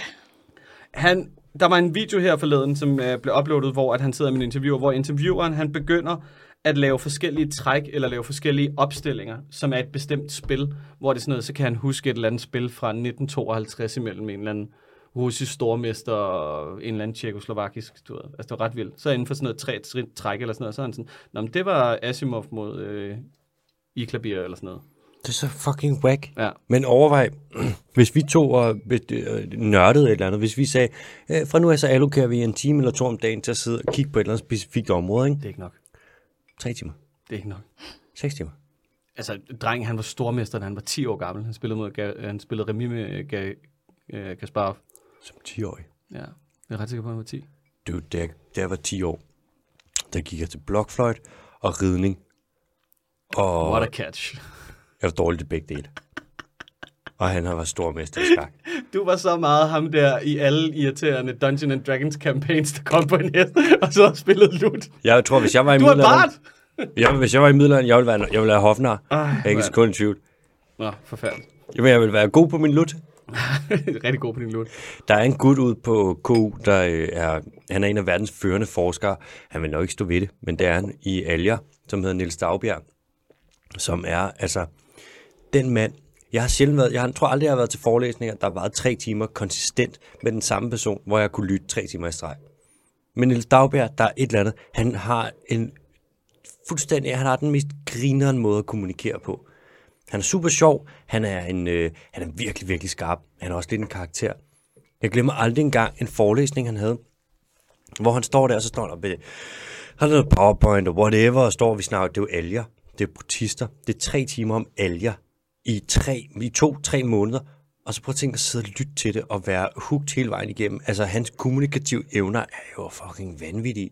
Så står han op, så står han og snakker med et eller andet, og siger, yes, and this was um, 60 million years ago, and then you might think, oh Nils, is this when the dinosaurs died out? And yes, indeed it is. Og så kører han videre, og alle er bare sådan så var efter to timer, så bare høvler kaffe, og alting bare lytter. Fuldstændig vanvittigt. Anyways, han sagde engang, Biologiens Holger Bæk på en måde bare uden, altså, på forestil dig Holger Bæk, hvis han også var socialt begavet. Han er, Niels Dagbjerg, han er et unikum. Jeg vil næsten ikke engang turde invitere ham ind som gæst, fordi han er sådan, jeg ved, du er svært at kontrollere. Han, øhm, han sagde engang, så sidder vi og kigger på noget med alger. Så har vi nogle vandprøver og og kigger ned. Har I nogensinde kigget ned i en, øh, en vandprøve med alger og se, hvordan de ser ud? Nej. Nej. Det, nej. Det er, du ligesom, sikker? Jeg er ret sikker. Nå, okay. Ja. Det er ligesom at kigge på øh, snifnuk eller sådan noget, hvor at de er vanvittigt forskellige. Og de er formet på de mest underlige måder. Der er nogen, der laver sådan nogle øh, alge, jeg ved ikke engang, hvad man kalder det, nærmest mandalager, Kender I de der øh, buddhistiske symboler, sådan en cirkel, hvor de har... Altså en mandala? Siger man ikke mandala? Jo, Mandala. Sif, det gør man måske. det gør man, men der hvor jeg er fra oppe i øh, Gribskov Kommune, der siger man altså mandala. Okay. Det gør man, helt sikkert. Hvor, øh, ved du, hvor jeg er opvokset hen? Et sted på Sjælland. Gribskov Kommune, og det, vi ser ikke mand, der lager. Nej, okay. Nå, hvor bor krabberne? Så øhm, der er nogen, der tager alger, og så laver de i mikroskop, så sidder de med sådan nogle bitte små pinde, og så sidder de og skubber de her øh, alger sammen, og så laver de mandala, sådan nogle fine figurer med alger. Anyways, jeg snakker engang med Niels der, og så skal han kan bare kende alle alger. Og han sidder der, det er så sygt, og du kan kigge på noget, hvor du, sådan, du kan overhovedet ikke finde ud af, hvad det er, men han kaster et enkelt blik, og så kan han ligesom artsbestemme den. Og siger jamen det kunne han, og han, man kunne nok huske omkring, altså hans max, det vil nok være cirka omkring 2.000 arter. Mm. Det er der, den går. Dertil ikke længere. Det er bare for at vende tilbage til det med, at der er en begrænsning for, hvor meget man ligesom kan huske op i hjernen, ikke? Og der er Nils Dagbjerg altså også, selvom han er fucking skarp. Og det er omkring 2.000 alger. Det er så meget, man kan huske. Okay. Var det ikke en meget fin lille krølle, jeg fik slået med den der? Jo. Meget. Vil du ikke lige rykke øh, mikrofonen bare 10-15 cm væk fra din mund? Altså ind, herind, herind i munden. Altså bare, ja. For jeg tror, jeg tror, den laver sådan nogle når du snakker ind i det. Jeg har godt hørt, den lavede sådan nogle knitre, Ja, knitre ting. det er kan lidt derfor, høre at det der filter er sat op foran. Det kalder man popfilter, sådan, så det ikke siger... Puff, puff, puff. den. Jeg sætter den lidt foran. Ja. Mm. Ja, det er skide godt, det der. Alting er svært. Alting. Ja, teknologi er svært. Hvorfor? Man skal... Nå, Det er fedt, at du bare boomer med sådan noget, med analogt udstyr. Ja, simpelthen, jeg bliver kun, jeg bliver kun værre. Når jeg en dag bliver en gammel mand, jeg bliver ulidelig. Ja. Hvad for noget? Jeg bliver. Det er der, jeg skal putte op med, Sif. Vi er enige om, at I, I begge to i jeres 30 ikke? Jo, vi er, Jo. jeg er 31. Det vil jeg jo sige, at Er det gammelt? så man skulle være været op af.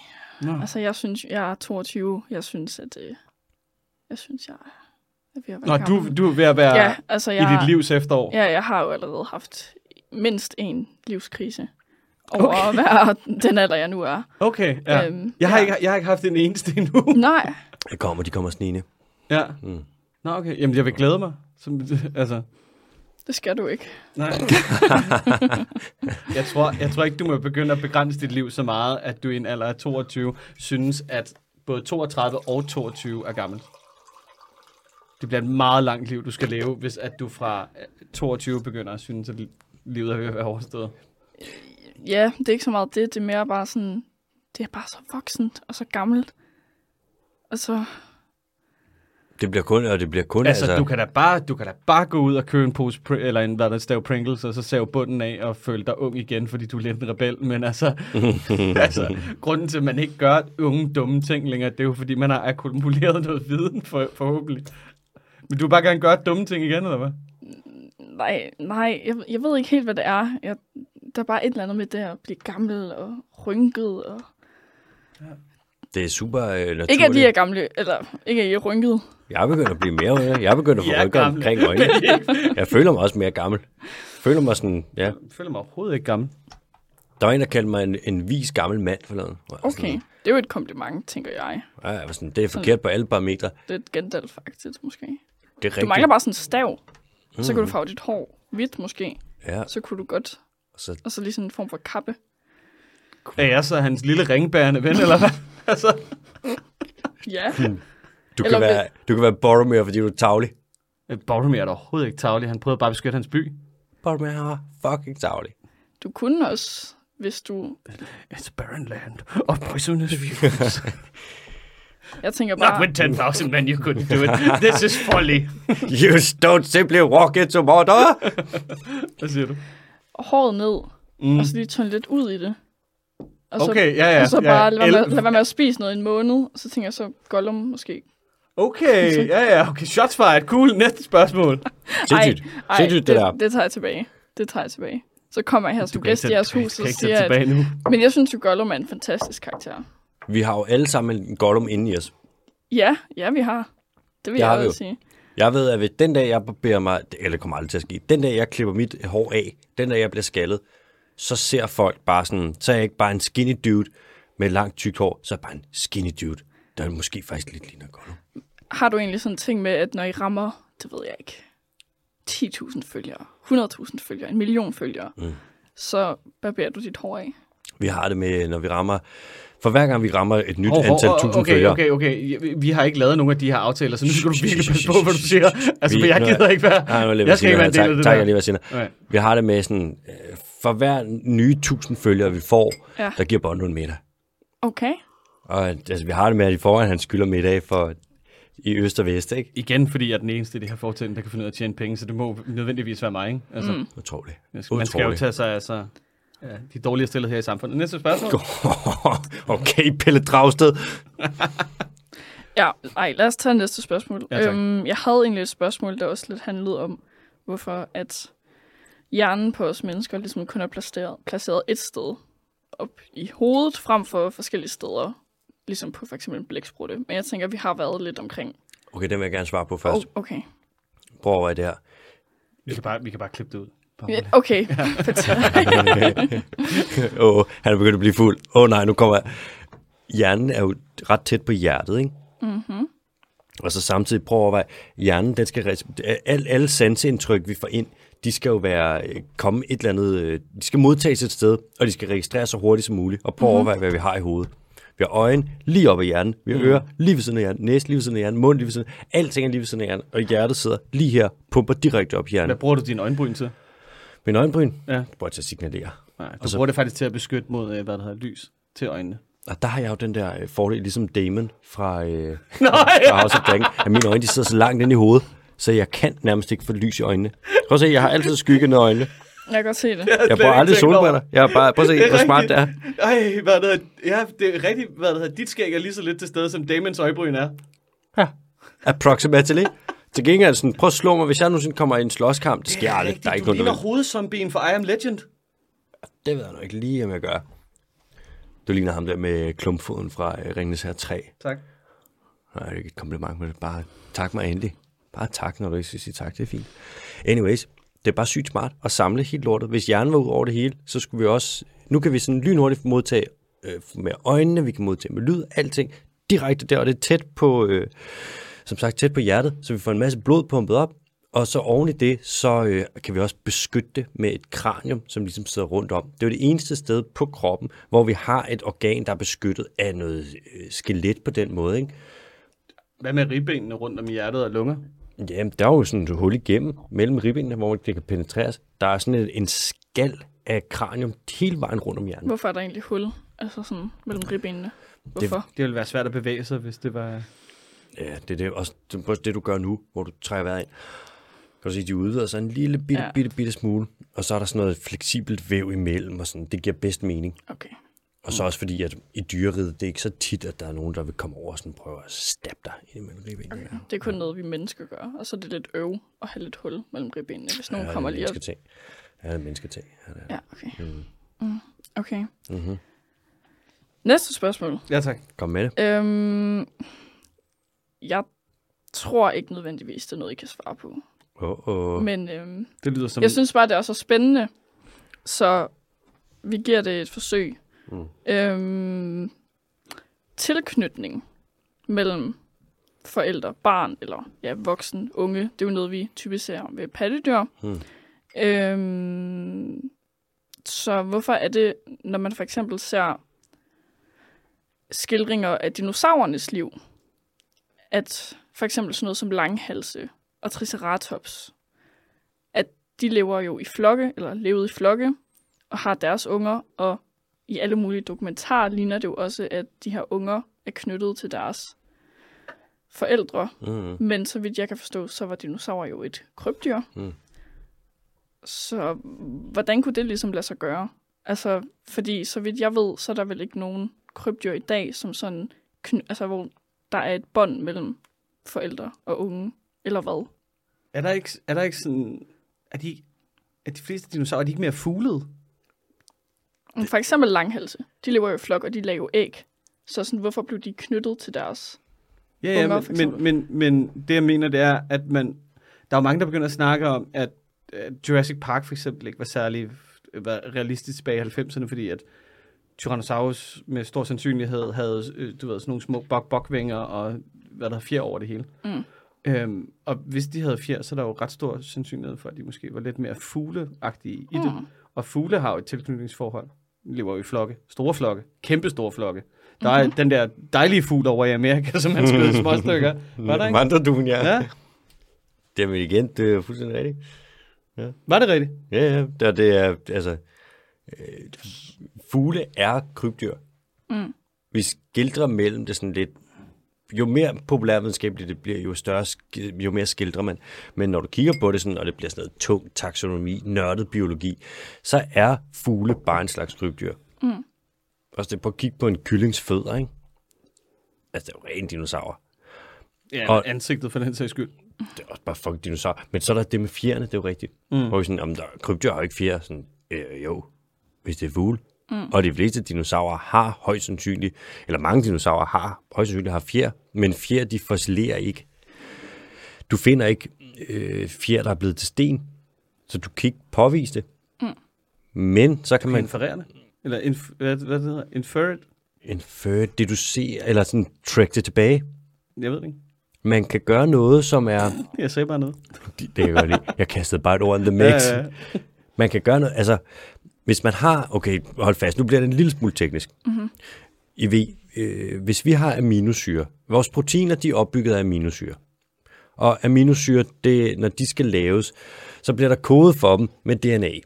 Så vi har DNA, som består af nogle baser, og mm. så tre forskellige baser i kombination, mm. de koder for en aminosyre, og aminosyrene, de bliver så lavet sammen til proteiner. Så forestil jer, at man læser et eller andet, og så man sådan, okay, så laver jeg det her, og så det, man laver, det koder man sammen, og så har du protein. Så man kan kode den ene vej. Hvis du har en DNA-sekvens, så ved du, hvad for nogle aminosyre, du, den kommer til at lave, og så ved du, hvad for nogle proteiner, du kan lave ud fra det. Men man kan også gå den anden vej, og sige, hvis du har nogle proteiner, så kan du kigge, hvad for nogle aminosyre der er, og så kan du finde ud af, hvad for nogle baser, der er kodet for dem, og så har du DNA.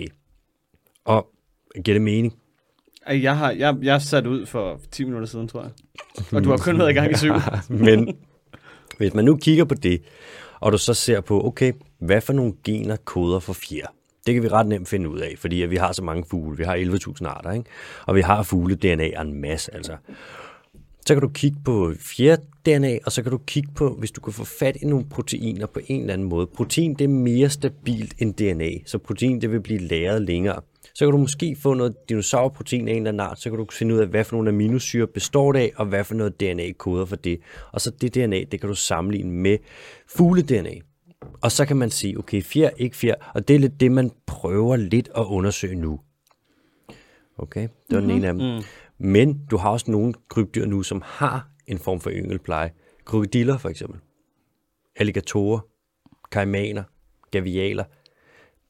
De der super lange nogen med lang snudeskaft og mange tænder, de passer overraskende godt på deres unger. De vil passe på reden, mens de bliver udryddet, og når de først bliver udryddet, hvis de skal flyttes, så Hvad, kan sag, hvad sagde du der? udryddet. Nej, før det. De vil passe på reden. Reden? Ja, Reden? ja de laver en rede. Nej. Jo, jo. Nej. Er det ikke Ja. jo ligesom dinosaurerne, der også havde sådan reddet så Nej. plup noget med et æg? Du ser det også, og slanger gør det også. Altså, mange pytoner, de laver, pytoner lægger jo æg, hvor andre slanger, de føder levende unger. Eller borer gør, ikke? Ser det ikke ret ulækkert ud, egentlig, når sådan slanger føder levende? Sådan, jeg forestiller mig bare en masse små, sådan, brrr, sådan Blablabla. Det ser... Jeg, jeg er ikke den rigtige at spørge, for okay. jeg synes ikke, det er Jeg har haft, jeg har haft slanger i så mange år. Jeg elsker slanger. Okay, undskyld. Men jeg kunne Jeg godt forestille mig, at rigtig mange vil tænke, det der, det er ikke lige det lækreste. Og hvis man er bange for slanger, og du ser en slange, der bare ligger og bare pølser ud, det tror jeg ikke er drømmen. Er du bange for slanger? Nej, ikke som sådan, vil jeg sige. Altså, krokodiller passer også lidt på deres unger, og det er sådan en fugle gør det jo også. Og så har vi yngelpleje hos pattedyr, mere eller mindre. Nogle pattedyr er sådan ret dårlige til det. Hanner kan specielt være notorisk skidende, ikke? Men det siges også. Der er jo også noget ekstrem yngelpleje blandt for eksempel øh, ørntviste. Af alle dyr, ikke? Insekter. Hvor øh, nogle ørntviste, så, så snart at ungerne ligesom klikker ud, og sådan, så moren, så lægger hun sig bare som et til selvbord, og så æder ungerne, de æder moren. Det er en sidste gave. Det er bare sig selv. Okay, det tog en drejning. Det er fucked up. Der er jo nogle øh, padder, der er En orme. rigtig, rigtig asiatisk gyserfilm, du har gang i herovre. Er du sindssyg? Så, så velkommen til Så verdens føder små børn. Spis mig. Der er nogle padder, hvor at... Åh, hvad fanden er det? Der er nogle ormepadder, Som er sådan, bare forestil jer, det ligner en, lidt en lang regnorm, men det er i virkeligheden en padde. Den har en ryggrad ligesom os. Hvor at, når de får unger, så ungerne, de, øh, i stedet for at få mælk fra moren, så moren hun giver bare det yderste hudlag, så ungerne ligger og spiser hendes hud, og så får de næring der. Det er sådan deres version af mælk, det er bare hud. Hvor det, er også sådan, det er jo også yngelpleje. Og du har jo blæksprutter, hvor hunderne nogle gange lægger æg, og så offrer de deres eget liv, for at ungerne ligesom skal komme til verden. Og så kommer de til verden, og så dør 99% af dem. Men det er sådan en yngelpleje, den der pattedyrs forstand, hvor det er sådan noget, okay, du føder en unge, og så lægger den der sutter på dine patter og får noget mælk, og så bliver den stor, og så skrider den. Det er pattedyrene, men de andre øh, dyregrupper har også deres egen sådan lidt anderledes, tit mere brutale og lidt akavet dyre øh, yngelpleje. Var det svar? Mm. Ja, Mm. det var faktisk et bedre svar, end jeg havde forventet, tror jeg. Yes. Mm. Rigt, rigtig flot. Mm. Godt klaret. Tak. Øhm, næste spørgsmål. Hvorfor kan nogle dyr, som for eksempel havskildpadder og valer, hvorfor kan de holde vejret så lang tid? Det lyder måske dumt, men det er sådan, er det på grund af et specielt lungevæv? Er det fordi, at lungerne bare sådan, altså er større? Øhm, hvad er det ligesom, der gør det? Også i forhold til øhm, sidste special øh, med valer Mm-hmm. med det der med, jeg tror, du fortalte noget med, at kaskelot, kaskelotvalerne, de ligesom dykker Mm. og kommer så langt ned, at deres lunger ligesom kollapser. Altså Mm-hmm. mm. bare sådan sammenlignet med mennesker, hvad er det ligesom, der gør, at de kan holde vejret i, i så lang tid? Mm. Godt spørgsmål. Igen. Bondo, har du noget bud? Nej. Det er... Øh, Jo, ja, noget med hjerterytmen. Det er, at hjerter banker langsommere. Et eller andet. øh, faktisk, ja, det gør de også. Tak for det. De har... Øh, vi har jo hemoglobin i vores blod, ikke? Som er det der, der gør... Inde i vores blod, vi har de røde blodlemmer, de er røde, fordi at der i virkeligheden, så er der noget, der er noget jern, som bliver en, det man kalder en hemegruppe, som bliver oxideret. Det er rust. Vores blod, det er i virkeligheden rødt, fordi at det er, der er rustent jern inde i det. Hos valer, så har de noget andet, som hedder myoglobin, som vi vist nok også har noget af, men ikke så meget. Og så i stedet for, at de gør det, som vi ville gøre, hvis vi skulle dykke, altså hvis vi var Stig Severinsen, og vi skulle øh, ramme 72 meter, så ville vi tage en ordentlig indånding, og så ville vi dykke ned, og så ville der komme mere og mere tryk på vores brystkasse, og så ville vi prøve at tage den ild, vi ligesom havde, og bruge den på bedst mulig vis, sænke vores hjerterytme så meget vi kunne, og så ellers bare dykke op igen efter nok syv minutter. Men max, det valer så gør nogle af dem, dem der dykker rigtig, rigtig dybt, pilotvaler for eksempel, eller kasselotter, det er, at i stedet for, at de har luften i deres lunger, så får de hele lortet ud i blodet. Og så har de myoglobin, og jeg kan ikke huske præcis, hvad det er, der er forskellen på myoglobin og hemoglobin i forhold til det der med at holde på alt det der bla bla bla. Sorry, det kan Tre jeg bare ikke bogstaver. huske. Ja. tak, den semantiske guillotine over. Senor Pondo. Velbekomme. det var slet ikke. Det var, hvad jeg kunne byde ind med. Men så gør de alle de ting, og så tager de, og så er der sådan nogle fucked up mekanismer, de har, så at øh, blodomløbet til deres ekstremiteter, det bliver begrænset. Så det svarer lidt til, at hvis vi dykkede langt nok ned, så kunne vi gøre en ting, så vores hjerte bankede langsommere, der var mindre luft i vores lunger, der kom mere luft ud og var i blodet, eller det, der tilsvarede blod i vores organer, og vi fik for eksempel ikke blod ud i hænderne og i fødderne. Måske sådan noget syd for knæene og øst og vest for albuerne, så har der bare ikke været noget blod. Og så lige pludselig kan vi tage det blod, der er, den ild, der er, og bruge det der på en anden vis. Ikke? Så laver de alle de her mekanismer. Og det er sygt fascinerende, hvordan de kan. Det er svært at forske i, for vi kan ikke tage med. Og det er svært at efterligne, for hvis du skal tage en kaskelotval eller nogle af de andre pattedyr, der kan dyppe langt ned, sådan noget sølefanter for eksempel. Du kan jo ikke tage en sølefant på 3 ton og pølse den ind i fangenskab og smide den ned i en tank og efterligne de ting, der er, når den dykker ned på to kilometers dybde. Det er ekstremt svært at forske i. Der er helt mørkt. Du kan ikke se en skid. Hvis du skal derud, så er det pisse dyrt. Du skal ud, så skal du tage ud med sådan en deep sea mining kinesisk ekspedition, og måske få lov til at tage med ned i en ubåd, så du skal betale en million kroner om dagen for din forskning. Så man ved det ish, men det er bare, ja, de har en masse tilpasningsting, som vi ikke har. Skildpadderne, der ved jeg sgu ikke, hvordan de gør. Eller det ved jeg selvfølgelig godt, jeg kan bare lige huske det. Okay, Ja. okay. Men de kan jo også, altså, læderskildpadder kan dykke fucking langt ned. En læderskildpadde, ved I, hvad den ligner, når man møder den på en strand? En skildpadde. Ja. lige en lille, lille bil. Ja, så stor. De kommer op og vejer 800 kilo på over det. What? Ja. Og Der så ligger florerer de- sådan en forfærdelig video på YouTube lige nu, Mm. eller sociale medier, hvor at folk forsøger at hjælpe den ud i vandet. Hvor det eneste, man kan tænke, det er, når der står 70 mennesker rundt om dig, og chanter, og ærer dig, og Mm. kaster vand i hovedet på dig. Du må være i fucking panik. Ej, det må være det værste. Og, du, man, og de aner ikke, hvad der sker. Nej, Og bare et skildpadde. ja, ja. Og den vil bare gerne ud i vandet, og den er helt ude med, at den lige vil op og lægge æg og alt muligt. Mm. Ja. Man er sådan, fuck nu af med jeres røgelsespinde. Nå, vi skal til at runde af. Eller har du... Øh, Jeg tror, det var det sidste sådan savlige spørgsmål. så kom med det, kom Jamen, med det, det, sidste, det, det, sidste det, er bare, usaglige. Ja, men det er bare fordi, igen, ting, der dukker op på internettet. Billeder af dyr. Den arabiske sandboe, for eksempel. Jeg ved ikke, ved du, hvad det er for en, Alexander? Jeg ved præcis, hvad det er for en. Ja, det er den, hvor øjnene sådan sidder op på toppen, af, altså sådan sidder centreret på dens hoved. Den ser så dum ud. Den hedder Gongylopops på Igen latin. med body shaming, altså. Jeg har, jeg har haft dem i fang. Jeg har haft Okay, dem der. det er bare den, og så... Du vil bare gerne have lov til den bare grim, og så er det tak for en dag. Men er det fordi, Øh. det ligner sådan lidt en børnetegning, der er kommet til live? Ja, lidt. Hvis Også- man skal se, hvis man ser et billede af dem, så gå ind og så søg på, ja, du kan søge på sandboer, eller gå ind og søg på Eryx, E-R-Y-X, på Google, hvor det var billeder, og så se en slange, hvor man tænker, okay, evolutionen har bare givet op. Præcis. Mm. Øhm, og så også, okay, Google sagde, det danske ord, det var purpurnæsefrøen. Men mm. ellers sådan purple frog. Ja, det er Hvis den der... Øh, Den er helt op. Er det ikke pur? Pur, jo, jo, jo. Ja. jo. Pur, pur, ved jeg godt, for en. Det er den, der lever Purpur. over i... Øh, den, der kommer frem, når der er regn, den lever op i de der bjerge op i øh, Indien der. Ja, det Spiser kan myrer. Ja, Spiser mere. det er bare Og mere, hvorfor ser... Termitter og gakalakker. Mm, og evolutionært set, der er den bare helt fucked. Det er sådan, den er fylogenetisk distinktiv. Den hedder... Mm. Ej, Klassiske husker, ord, hvad det er. man hele tiden bruger. Ah, men det er det, du taber ind i. Det, jeg skrev bachelor om det der. Det er totalt sådan... Der er, nogle, Uh, der er nogle gange, når du siger de der ting, det er ligesom at høre Eminem rappe, man er sådan, det er ord, men jeg, jeg forstår det ikke. Slim Fylogonesisk. Fylogenetisk distinktiv. Det betyder bare, at den er, sådan på, den er ude på en gren på livets træ, hvor den er helt fucked der alene. Ligesom elefanter. Okay. Sorry, Sif. Ja. Nej, men det var bare, hvorfor... Ja, hvorfor de ser fucked up ud, de her dyr. Jeg ser så mærkeligt ud. Men er det, ikke, er det ikke lidt ligesom, at øh, for eksempel grunden til, at fladfisken den ser åndssvag ud, det er fordi, den har svømmet oprejst i rigtig, rigtig mange år, og så lige pludselig bliver den bare træt og lagde sig ned, så derfor ser den helt fucked ud i ansigtet. Det er fordi, det bare har kunne betale sig. Dem, der har øh, overlevet af deres forfædre, det er dem, der har set sådan ud, og så er det dem, der har givet deres gener videre. Det er vel den lidt simple- ligesom en, er, er det ikke bare lidt ligesom den måde, vi avler hunden på?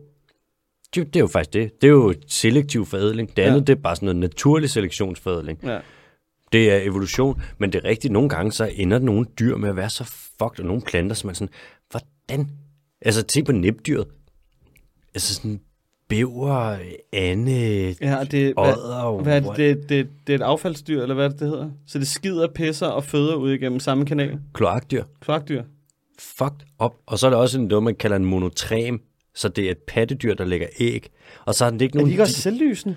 Jo, hvis du, eller de er, det er jo det, de er biofluorescerende, Ja. så hvis du lyser UV-lys på dem, mm. så bliver de lilla og grønne. Altså, det er Ja, det bliver alting ved. med at mærke, men det er sådan, jeg siger, hvorfor? Jeg kan ikke lade være med at tænke, Sig hvorfor. sig hvorfor. Sig hvorfor. Det er jo det, hvor den, vi kan jo, den nysgerrighed, du har, det er også det, der er det smukke sig ved det. hvorfor. Ja, hvorfor, Sif? Det er jo smukt i virkeligheden, fordi sådan, der er mange, der sidder med de samme spørgsmål, som du sidder med. Der er bare, altså, hvis vi har haft nogle af de gæster, vi har haft inde, de sidder sikkert med samme spørgsmål. Og professorer i biologi, de sidder med samme spørgsmål, for man aner det ikke. Og øh, naturen er fucking mærkelig. Den er virkelig, virkelig, virkelig sær. Og øh, vi kigger med vores sanser på det. Vi har OK øjne. Vores lugtesans er fucking dårlig. Vores høresans, den joke.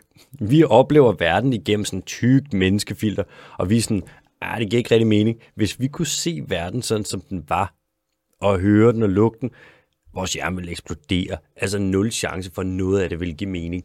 Og så når du ligesom kommer sådan, så krasser du i overfladen af det og siger, den der lille gravende frø, hvorfor er den så fucking mærkelig at se på? Og aner det ikke, mand. Der er ikke nogen, der ved det. Vi har en eller anden ting, det er jo det, hvor vi sådan grund til, at man har sådan noget, der kommer op med intelligent design og religion og alt det der, det er, fordi man kigger jo blandt andet på naturen og er sådan, hvordan kan den være så organiseret og samtidig så fucking underlig? Hvad er det for noget, der orkestrerer det? Altså ligesom, hvem fanden vander alle træerne? Altså, hvad er det, der foregår? Og det er jo det spørgsmål, man også vender op med i... i Det er der vel forhåbentlig ikke folk, der st- stiller det spørgsmål. Nej, man kan ikke men hvis, det sådan, hvis man ser det som sådan en, en slags have, eller hvis man skulle forestille sig, at der var en, mm. anden, en gartner. Ikke at der skulle findes en gud, men at der er et eller andet, der er nogle principper, naturlov, som guider alt det her. Og fuck, de er godt lavet, mand. Prøv at overveje, hvordan det ser ud nu. Økosystemer, Det er, også tropiske bare sådan, niveauer. det er også og- bare sådan lidt, hvis du har fem- 65 millioner år at arbejde på et eller andet, så skal du sgu nok komme frem til en god løsning på et eller andet tidspunkt. Ja, Det er men lidt det, man samtidig- glemmer, ikke? Jo, Det er jo jo. ligesom ateistens mareridt. Kan I huske den, den video på nettet? Nej, hvad er det? Det er noget med, at der er en gut, der sidder med en banan, og mm. det er ateistens mareridt, bananen, fordi at den er... Nå, den er så, den er så velegnet til at blive spist. Ja. Så det er sådan noget med, at øh, hvad det hedder, den har fem flader eller et eller andet, og det passer perfekt, men hvis du gør så der, så har du fem flader herinde i hånden. Så derfor er det, ej. Ateist smart. Ja. Lol.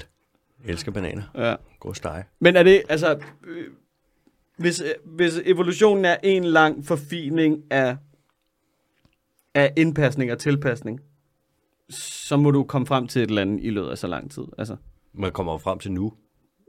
i, ja, på et eller andet tidspunkt. Altså, så det giver vel meget god mening. Det er vel ikke... Altså, jo, så er det jo kun, hvis du arbejder ud fra det tidsperspektiv, at jorden er 7.000 år gammel. Ja, ellers, men det er jo... Man kan sige, så længe der er Jeg konkurrence... ved det ikke. Jeg vil ikke i kamp med alle de der religiøse idioter. Altså, det, lad os nu, lad os er, nu bare lade den ligge. der er ikke nogen af dem i Danmark. Vi, vi er safe, bro. Ja, det er det. Jeg har, jeg har det nu ikke. Men vi har jo, der er jo konkurrence hele tiden. Så er der organismer, der konkurrerer om ressourcerne, og så er det dem, der er bedst til at overleve, som vinder. Og så har du ligesom, det er naturens hårde præmisser. Og så har man nogle steder, hvor der bare ikke er så mange rovdyr, og så er det bare hyggeligt. Så har man for eksempel, kender den der, det mest øh, smiley, eller det mest øh, selfie-venlige dyr, der findes, den der quokka. Ned, sådan en, øh, det er et pungdyr nede på en ø nede omkring, Pungdyr? et pungdyr nede omkring Tasmanien eller Australien, som den ligner, den smiler. Altså, det gør den jo ikke, men det er bare dens ansigt, der ligesom er konstrueret på den måde. Så lever den bare på en ø, hvor der ikke er nogen rovdyr, så den er ikke bange for mennesker. Så når du tager dig til, så har du bare sådan en lille sød, det ligner sådan en lille kænguru, der smiler konstant, som ikke er bange for mennesker. Kommer super tæt på. Det er ligesom om, at det bare er altså, en hund, du kan gå og klappe over det hele, ikke? og så smiler den bare. Ser det ud som om, der er ikke, nogen, det, der har ikke været så meget konkurrence. Det er også der, hvor det kan være godt på den ene side. Det er jo meget fedt. Så render du bare og hygger dig. På den anden side, så Det er lyder det, lidt som om, du siger, den smiler, fordi der ikke er noget konkurrence. det er jo det. det er, jo- på en eller anden måde, så kan det være, at øh, evolutionen har favoriseret dens øh, øh, hovedform, fordi at dem, der har smilet mest, ikke er blevet spist. Men omvendt, så er det farligt at udvikle sig et sted, hvor der ikke er noget konkurrence. Fordi så ligger man bare lidt på den lade side. Evolutionen er sådan, nej, du gør bare, hvad der passer. Altså, du, det er fint, du har den. Ligesom øh, kakapoer eller nogle af de andre dyr, som har levet steder, hvor der ikke var særlig mange rovdyr. Dronten eller whatever. Så lige pludselig så er der mennesker, så er der katte, så er der hunde, så er der rotter, så er der mus. Så er du færdig, mand. Det var meget, det var en voldsom note at slutte af på, var det Ja, det? jo, jo, noget død og ødelæggelse. Men det er et meget fint sted at stoppe. Vi lovede også lige at komme med en, øh, hvad der, hedder, en lille hårrutine. Jeg, øh, jeg vasker mit hår. Til, det var til Sif, der mm. bød ind med det, Mm. med vores hårrutiner. Jeg øh, vasker det i hvad end, der står ude i mit øh, Er det sådan noget badeværelse. øh, 3-1? Det er sådan noget tre ener. Det er sådan noget øh, toiletrens, øh, body Ja. scrub og shampoo i en. Okay. Ja. Men det er, jo, det er jo det, der er så irriterende, at så sidder I to der med altså perfekt hår, og I gør intet for det. Jeg kom hårdt i dag. Wow, Men det var fordi, jeg skulle fyndtørre det. Så har jeg fået at vide, at det er godt. okay. Ja. Shit. Så har jeg en, bør, en børste af træ. i en træpiggen. børste af træ. Ja, fordi Okay. at der var en eller anden, der sagde til mig på et tidspunkt, så transporterer det fedtet fra bunden af hovedet ud i spidserne. Øh, Jeg har brugt en plastik i størstedelen af mit liv. Jeg har haft øh, langt hår. Det fungerede også fint. Okay. Ja. Og Alexander, du øh, døber det i noget motorolie, og så går du ellers bare i seng på den lille kutter. VD40. Ja, tak. Jeg vasker mit hår en gang om måneden. Okay. Tak for i dag. Det var den dyre. Det er det. Jeg vasker det en gang om måneden, så har jeg brugt noget shampoo, så putter jeg balsam i. Mm, jeg går i bad på cirka 5 minutter med det hele. Gør jeg, om, jeg cirka en gang om måneden.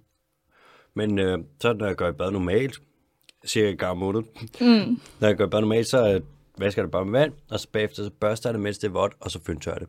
Okay. Og jeg synes, det er super hyggeligt at fyndtørre. Jeg kan godt lide det. Også når man har vask, når man har været i bad. Ah, og når man står der, og man har sådan en lille smule, måske stadig lidt våd i ansigtet, og man lige fyndtørrer håret, så fyndtørrer du også lige ansigtet en lille smule. Få varm luft i det hoved og sådan noget. Det er bare rart. Det er sådan en hyggelig ja. ritual, ikke? Mm. Så jeg går der det. sår. Ja. Og så bliver jeg klippet en gang imellem. Har Ja, det er også ret vigtigt. Jeg får nogle gange at vide, at jeg har sådan lidt spaltede spidser. Mm. Men resten af håret er fint. Ja. Og så en anden ting. Alle mænd derude begynder at bruge noget fucking lotion. I er alle sammen knastørre. Altså, I som huden, mormor eller og hvad? Altså, sofa. hvor du i ansigtet, eller på kroppen, eller? Ansigtet, kroppen og også et eller andet form for fedtstof i håret. Altså. Ja, jeg er faktisk enig. I hvert fald ansigtet. Jeg tror, der er rigtig mange, som ikke har nogen øh, skincare routine. Ja, og man behøver altså ikke den store. Det er bare, at efter du har skyllet alt fucking fedt af din hud, så skal der fedt på din hud igen. Slut. Så når man har været i bad, skal man lige bruge noget lotion, eller hvad? Jeg bruger lige lidt creme. Ik- ikke, sådan noget, ikke sådan noget til kroppen. Altså, please brug en, der er lavet til ansigtet. Ah, ja, okay. Du kan også, du kan også, du kan springe bare, øh, hvad der hedder, du kan bare købe noget, hvad det, det hedder, La Roche Posay eller et eller andet. Det behøver ikke være så dyrt. Men altså, Det, det er da godt. ja, ja, men det det, mærker det behøver du ikke specifikt Nå, det behøver man ikke. ansigtscreme. Altså, Nå, okay. ja. Behøver ikke en ansigtscreme. Bare creme. Okay. Og det skal der lige have, men jeg har aldrig brugt sådan noget der. Og husk at bruge deodorant, Alexander. Jamen, du ved, det kan jeg godt lide det der med, når, når man er sådan Dufter en, natur. mand, en mand som mig, som er sådan spinkel ufarlig i sit udtryk. Så, Så kan det du godt lide at lugte af mos. Ja, hvis jeg så ikke kommer frem, at jeg, bare kan, mad. jeg kan lugte lidt farligt, lugte lidt af sved, så prøver jeg det. Så må det være sådan, ja, det må være det, jeg viser tænder med mine armhuler. Det er blevet sent. Vi bliver nødt til at, at runde af nu. Skal jeg starte den? Ja. Afrunding. Mm. Så vil jeg gerne sige uh, tusind tak til dig, Sif, fordi du kom ind med dine spørgsmål. Jamen, jeg siger tusind tak. Det har været en ære. Det Oh, Det har det. Vi glemte at sige, øh, hvad der hedder, tak til Sif. Og øh, far, hvad hedder han? Det ved jeg ikke, om jeg må sige. Nå, okay. Ja. Men Nej, Vi har fået Sif- øl. Sif har i hvert fald, hun har, hun har bestukket hende, hendes øh, far til at tage en gave med til os. Ja, ja, Uh, og vi har fået et par øl, og vi vil bare gerne sige tusind tak. Ja, stort set tak. og hvis at de øl ikke var nogen, der måtte blive givet, og navnet ikke skal nævnes, så er det alligevel bare, så er det alligevel bare, også bare tak. Mm. Og så er det sådan noget gingerbread øl, limited edition noget. Ja. Apropos Harry Potter, det lyder jo lidt ligesom det, de får i Hogsmeade. Mm. Nej, det elsker jeg. nej, nej, det, er, nej, det er butterbeer. Det er, altså, det er smør. Det er jo ikke gingerbeer. Ah, tæt på, hvis man er overblind. Okay. Ja, prøv at komme tilbage Shout på out, Rasmus. Ja. Komponisten af titelmelodien, som I lytter til lige nu. Vi har jo, uh, Chief, du har jo brevkassen også. Jeg har brevkassen, og folk de skal være velkomne til at skrive ind. Øh, indtil videre har jeg fået øh, en mail. Mm-hmm. øhm, en god mail, men en mail. Ja. Ja. Men altså, folk skal jo bare skrive ind, så skal jeg nok øh, Hvad er det nu, den er? for. Øhm, Det er sif underscore late night snablag, den dyriske team.dk. Ja. Og den Præcis. Den team kunne ikke bare være også siv det er ikke mig, der har lavet den. Sif jeg bare. Ja, det er mig, der har lavet den. Og jeg er, altså, alting med teknologi og medier, jeg bliver kun dårligere til det. Ja. Så jeg tager alt skyld på mit skulder. Mm. Sif underscore late night snabelag den dyriske team. Punktum .dk. Og øhm, ja, Sif, vi snakkes jo også i indbakken, Helt sikkert. som man siger. Det gør vi. Så øh, må vi tage det næste spørgsmål der. Og fandme tak, fordi du kom, og tak for de der øl der. Selv tak.